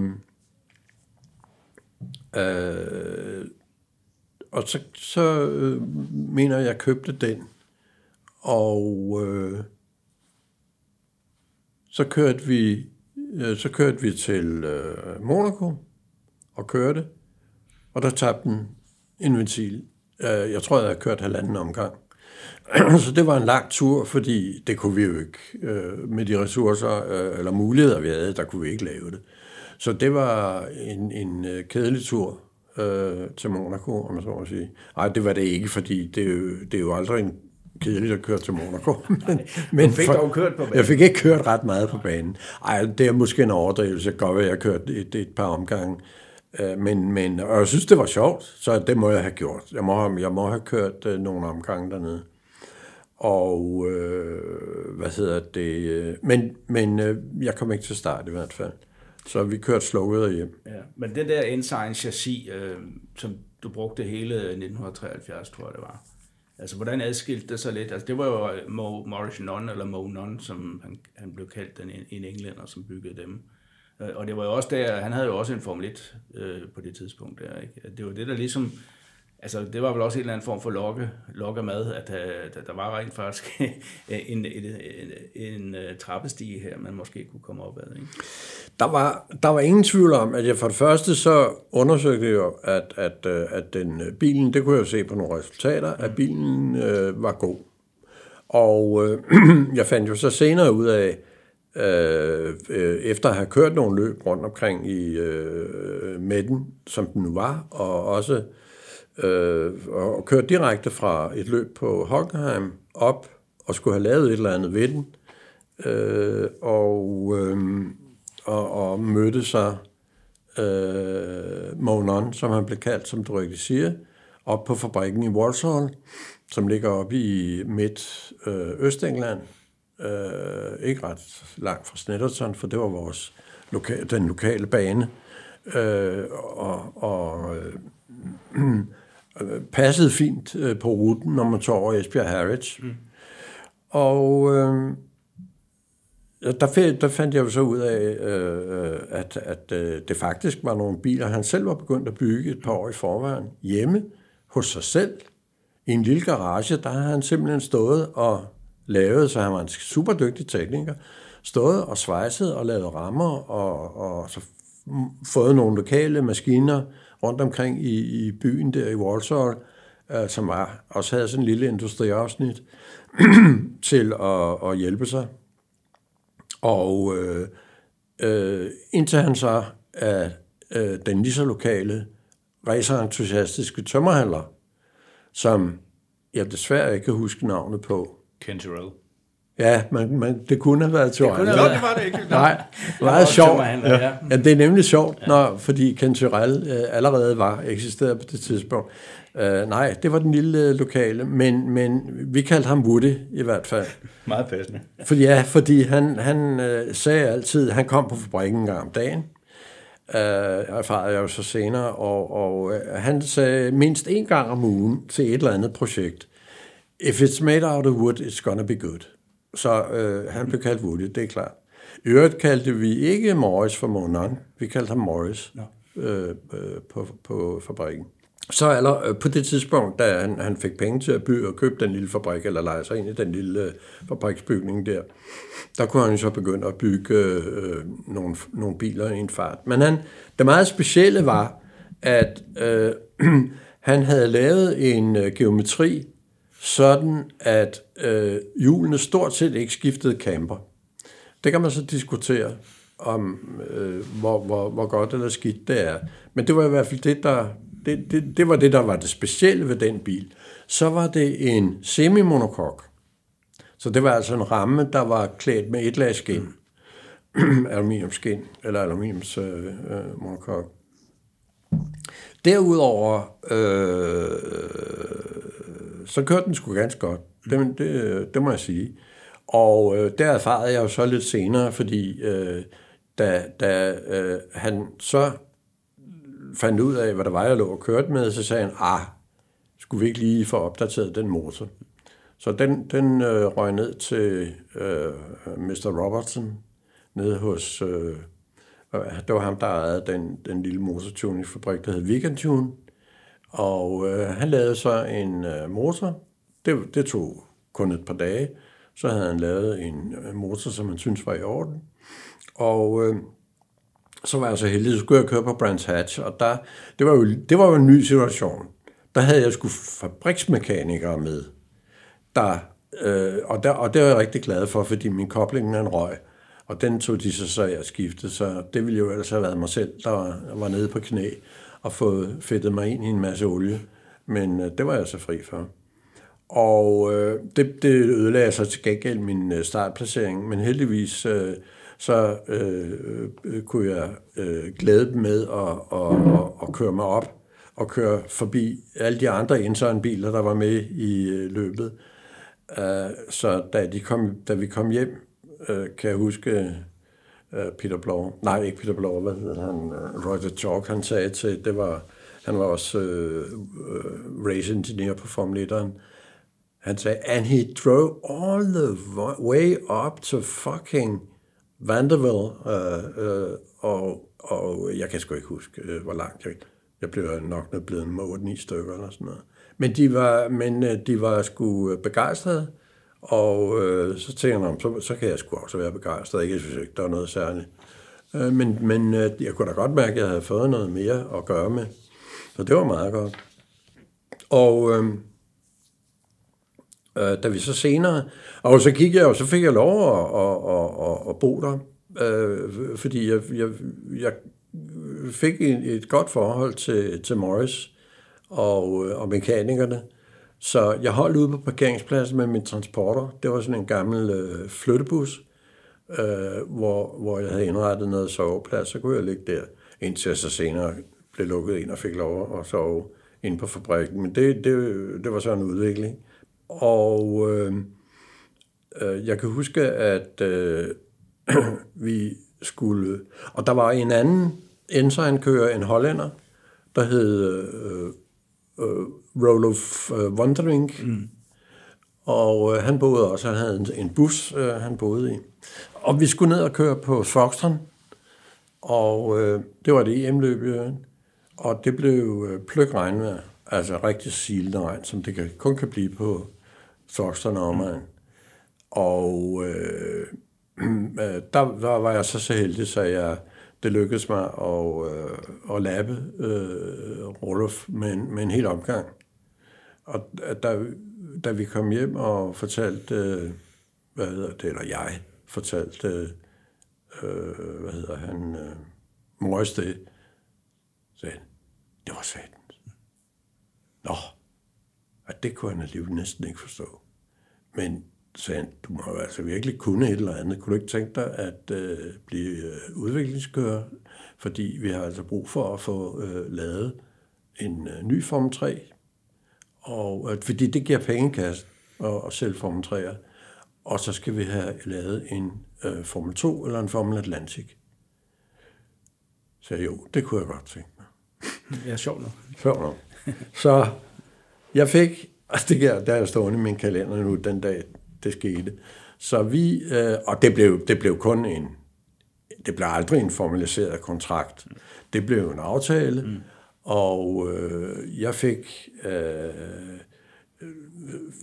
gratis ophold. De øh, gutterne spiste på den lokale pop hver dag, og øh, der, der øh, spiste jeg bare gratis med.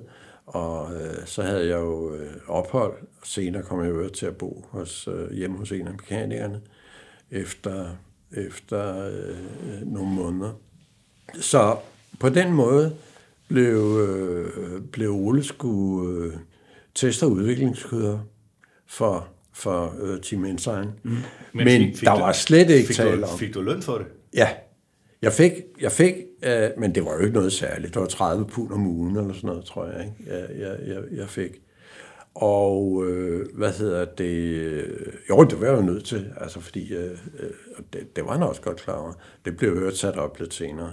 Men, øh, men der var ikke tale om, at jeg skulle øh, teste Formel 1. Der var kun tale om, at vi skulle udvikle en Form 3, og vi skulle... Øh, og vi skulle øh, lave en, en, en Form 2 af, den samme, af det samme øh, øh grund, øh, grundchassis. Så det, det startede med min bil. Den blev så, den blev så øh, brugt som, som testmule. Og øh, hvad hedder det? Øh, det gik også godt. Vi fik øh, Baldwin og, og Morris og jeg, vi fik øh, lavet en bil, der øh, fungerede. Og øh, jeg kan huske, det første, først gik, gik det helt forkert. Øh, det, det, det blev ikke så godt. Men senere så blev det bedre, og øh, da vi så var, mente vi, at vi havde fået en bil, der fungerede godt, så øh, sagde Morris, så kan vi sgu nå at køre, fordi så kan vi vise den frem på Brands Hatch. Vi kan nå det sidste løb.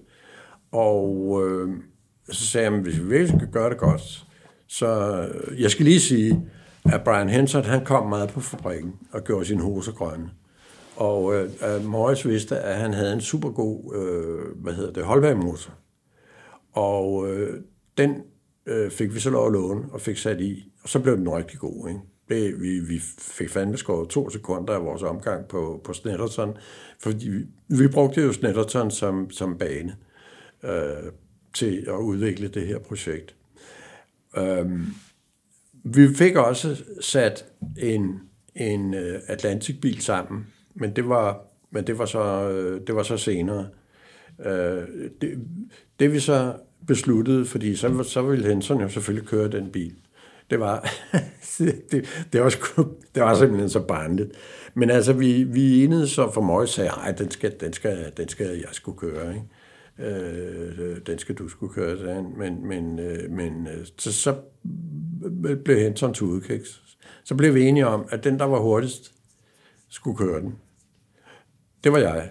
Og det var ikke så mærkeligt, fordi jeg kendte bilen, ikke? Altså, og det var ikke ret meget, men, men øh, så blev han til udkiks igen, og så fik han lov at køre, og holdt vand fandme i løbet, ikke? Mm-hmm. Og det havde jo været en, en virkelig kado for mig også, ja. at få lov til at, at, at køre. Men det var selvfølgelig sjovt, at vi fik lavet en bil, der pludselig var en vinderbil. Ja.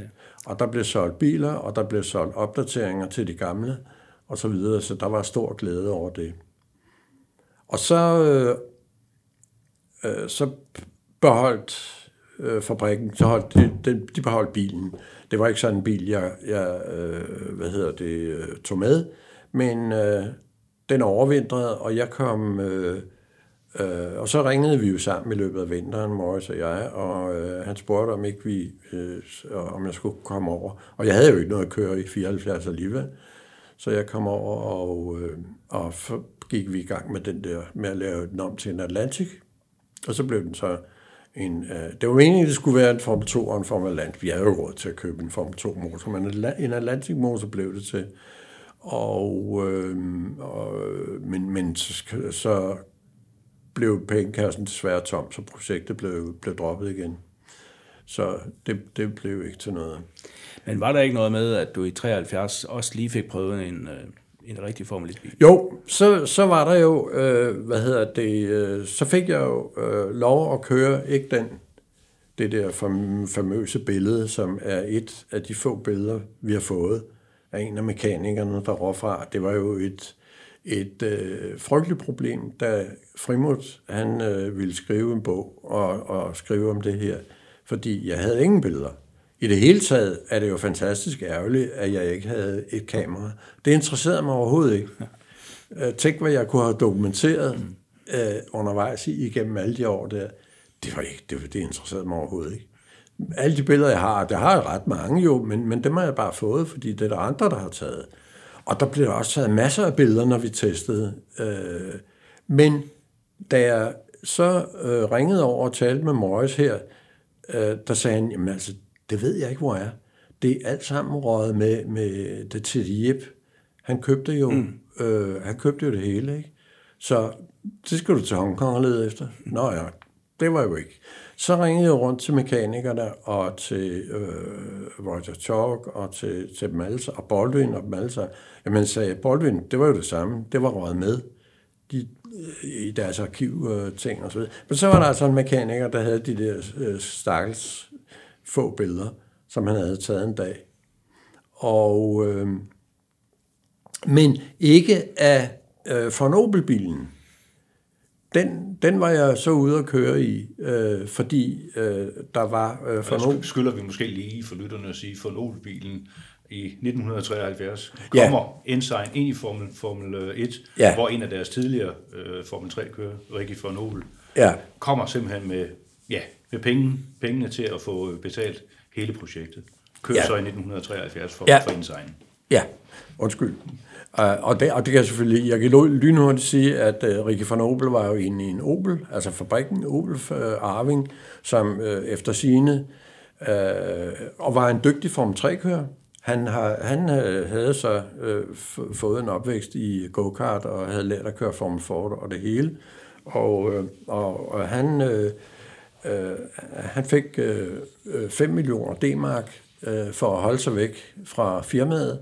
Så han havde noget at lege, at lege racerkører for. Mm.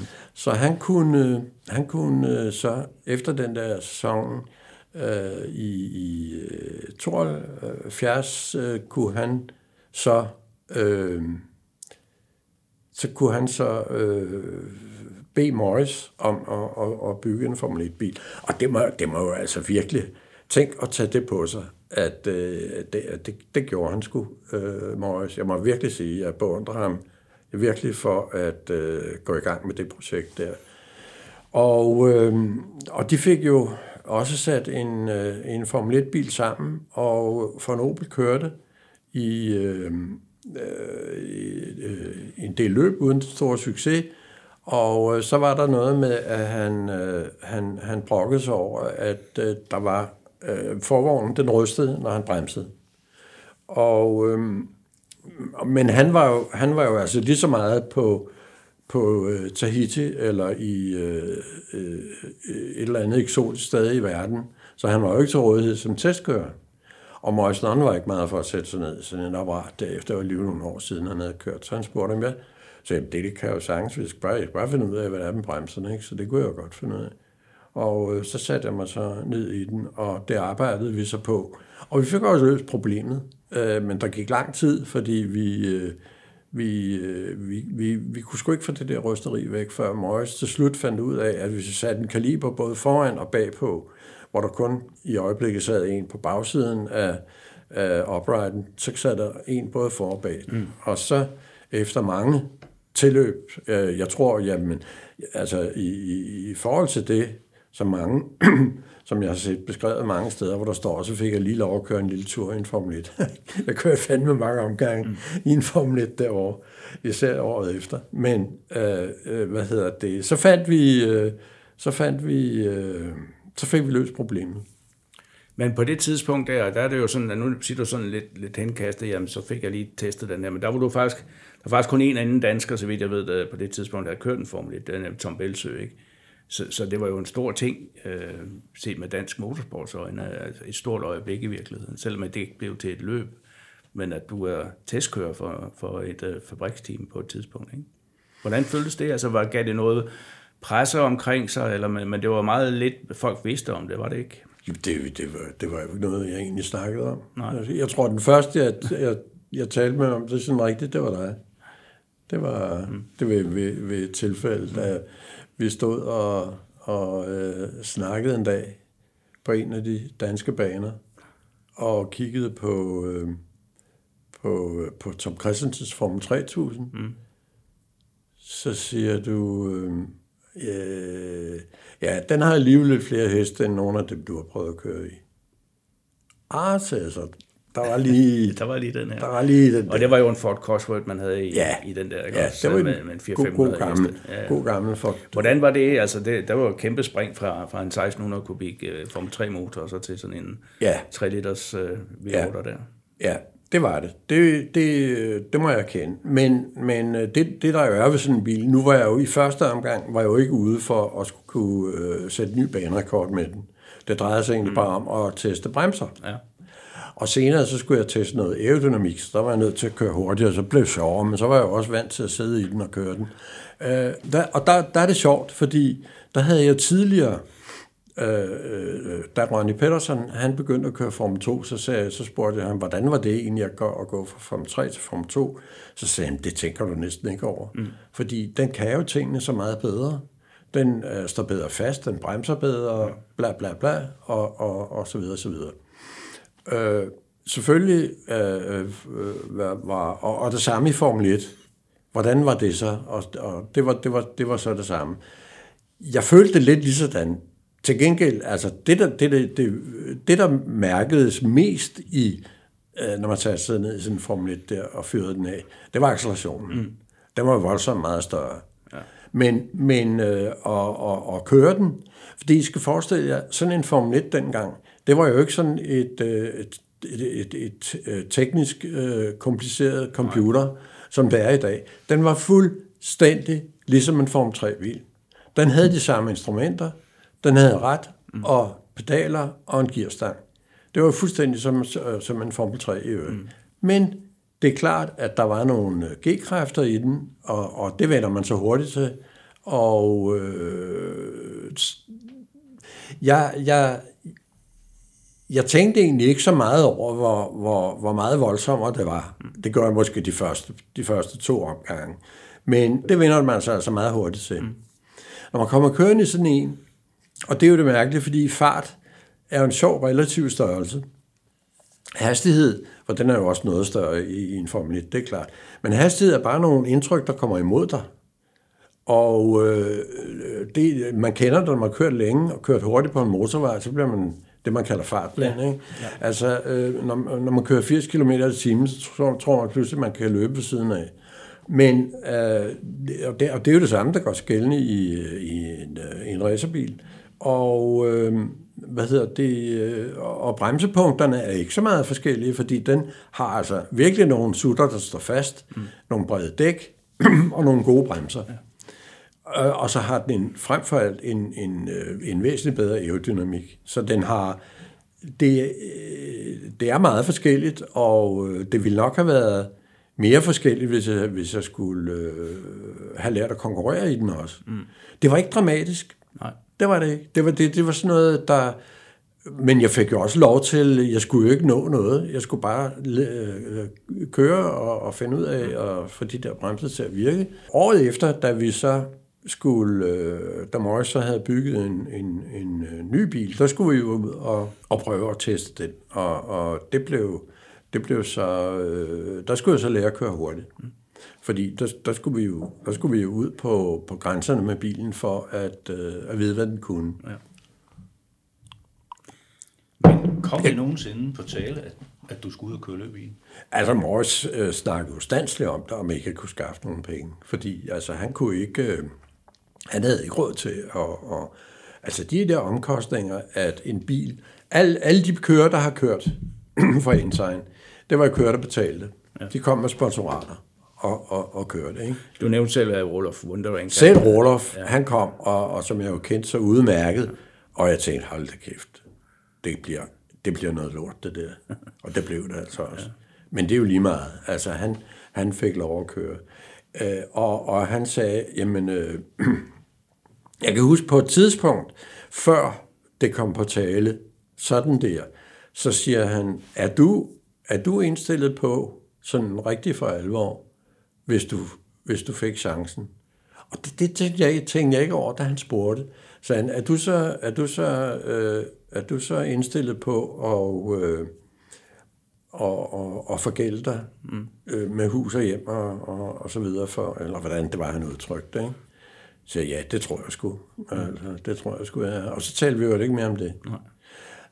men men øh, han talte tit om, hvor var, kunne det være sjovt? Mm. Og kunne det være sjovt?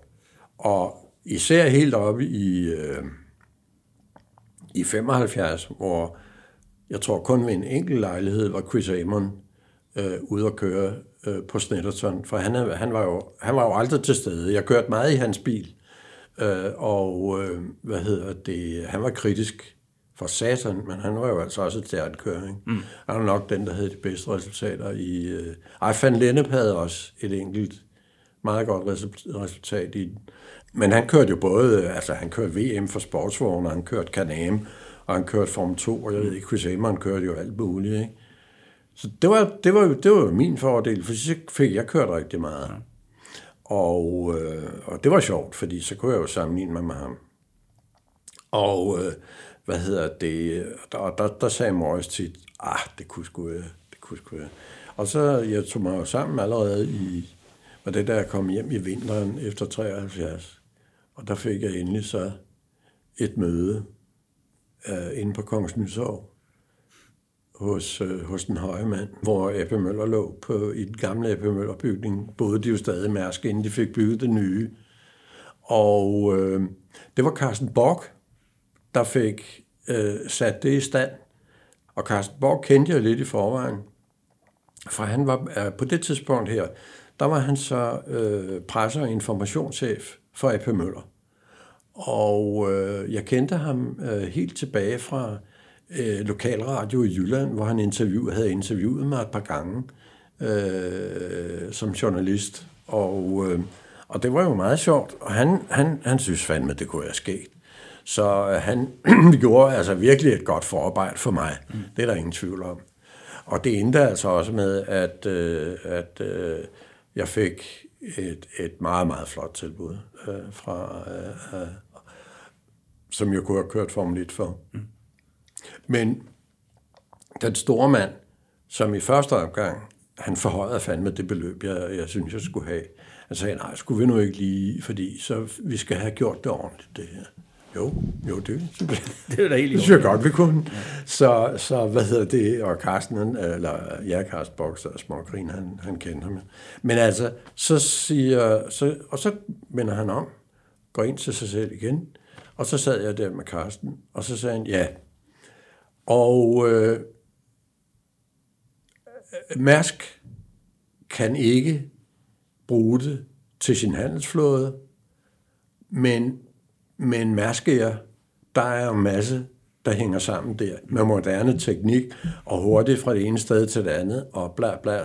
Så det skal være Mærsk Det havde han også sagtens, den store mand. Og øh, hvad hedder det, øh, der, der, der var det så bare så ærgerligt, at øh, det ville Mærskær ikke. Mærskærs ledelse sagde, at det var en, øh, en øh, farlig sport, og øh, det ville de så ikke. Nu nævner du det selv, fordi vi har snakket en del om romantikken omkring det der med at være rejsen, øh, racervagabond og så videre i 60'erne. Men det var jo heller ikke helt ufarligt, vel? Altså, der, der var jo en del ulykker på det tidspunkt. Det har du ret i. Det var en, øh, det var en tid, hvor, hvor det gik hårdt ud af Formel 1 fordi de jo, når det så gik galt, øh, så kunne man mærke farten. Mm. Øh, øh, fordi, og de var jo ikke, som i dag, øh, i dag er de jo virkelig godt beskyttet kørende, som vi alle sammen ved.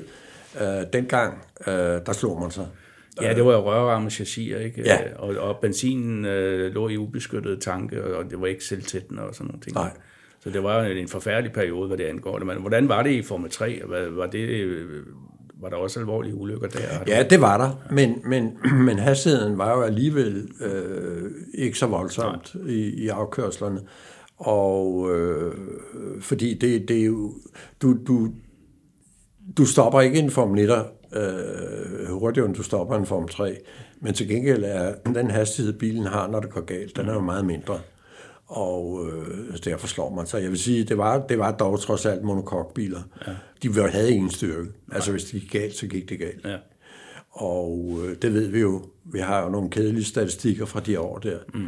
øh, over hvor mange, der kom voldsomt til skade, og hvor mange, der, øh, der også blev slået ihjel. Men, men det var ikke noget, der påvirker dig, sådan, hvor du siger, aha, jeg må hellere tilbage og, og, og være reklamekonsulent? Jeg har altid øh, haft den der, øh, øh, at det har været mig magtpålæggende, hvis jeg var, jeg hørte om et uheld, eller jeg hørte noget, der gik galt, at så måtte jeg vide, hvad skete der. Jeg måtte vide, hvad der skete. Var det en kørefejl? Var det en, en bilens fejl? Hvad, hvad var det? Hvis der var noget, jeg kunne sige, okay, ja, men så var det sådan. Og så, øh, så blev det lagt på plads. Mm. Fordi jeg har hele tiden været klar over, at hvis der var noget, jeg ikke tog, eller var bange for, så skulle jeg bare holde op. Det, for så kan du ikke køre hurtigt. Hvis du først øh, får de der tanker, at øh, det kan sgu nok gå galt. Så, så, og der må jeg jo også sige, det er jo egentlig mærkeligt, fordi selvfølgelig har jeg været udsat for nogle uheld, men aldrig nogle alvorlige uheld. Man tænker på, hvor mange løb jeg har kørt. Det er jo, det er jo voldsomt mange løb, jeg har, jeg har kørt. Især hvis man tager alle de løb, jeg har kørt med her de senere år. Ikke? Altså, jeg har jo fandme kørt 200, 200 motorløb her i mit comeback. Ikke? Det er jo fuldstændig vanvittigt. Det har, aldrig, det har aldrig været et problem for mig. Jeg har aldrig tænkt, at nu skulle jeg nok, nu skulle jeg nok tænke på at holde op. Jeg har før et løb en gang imellem mærkeligt nok tænkt, nå, nå det bliver sgu spændende. Gå hjem, det går godt. Ikke? Altså, jeg, eller Nej, ikke lige på den måde måske, men der har været sådan et eller andet inde i mig. Der har godt kunne være en lille uro. Men det synes jeg ikke gør noget, fordi det er også en... Øh, det vil være dumt andet. Altså, man skal jo ikke være så modig, så man slet ikke er bange for det. Fordi øh, så kan øh, det, det skal man sgu være, for det er farligt. Mm. Ikke? Øh, og det er noget, du gør helt til grænsen. Jeg er tit blevet, blevet, blevet spurgt selvfølgelig, hvad der er, der er så fascinerende ved det her. Og jeg har her i, i, på mine gamle dage fundet ud af, altså, at man, man kan nok sammenligne det med, fordi jeg har jo jeg prøvet alle mulige sjove ting, som man kan sige, for nogen vil være grænseoverskridende. Ikke? Altså, jeg har jo elsket at stå på ski i, i, i alberne. Jeg har elsket at, at hoppe ud med faldskærm. Jeg har øh, windsurfet øh, bagdelen ud af bukserne og, og gjort sådan nogle ting. Men det er alt sammen nogle ting, hvor man sagtens kan have andre tanker, mens man gør det. Det kan man altså ikke, når man sidder på en, et, et startgrid og skal starte. Der skal du være så fokuseret med alle dine sanser. Mm. Simpelthen. Det er øjne, ører, lugtesans og øh, helt nede i rumpetten. Ikke? Du skal simpelthen, hvis ikke du fokuserer lige fra starten, så risikerer du enten at blive overhalet, øh, bremse for sent, øh, køre for hurtigt ind i svinget, øh, alle de der ting. Altså, det, du, er, du skal faktisk æde, det lyder kedeligt, du skal æde hver meter af banen, og det skal, det skal man altså bare blive ved med i et helt løb. Ikke? Det er selvfølgelig overdrevet. Og det eneste, jeg kom i tanke om, der, har, der må have det på samme måde, altså det må være en, en, en fighterpilot, der sidder og sætter sig op i en, øh, en, en, en jet mm. øh, fighter, ja. og så har han kamp mod en anden. Ole, vi glæder os til at uh, se dig ude på racerbanerne, og så vil uh, Bo Balser Nielsen og jeg, Morten Alstrup, sige tak, fordi du tog dig tid til at lægge os besøg her og snakke om din lange og interessante karriere, og så uh, tillykke med optagelsen i uh, Motorsportens Hall of Fame. Tusind tak, fordi I, I, I valgte at optage mig, og øh, tak for i dag. Det har været sindssygt hyggeligt. Ja, det ser vi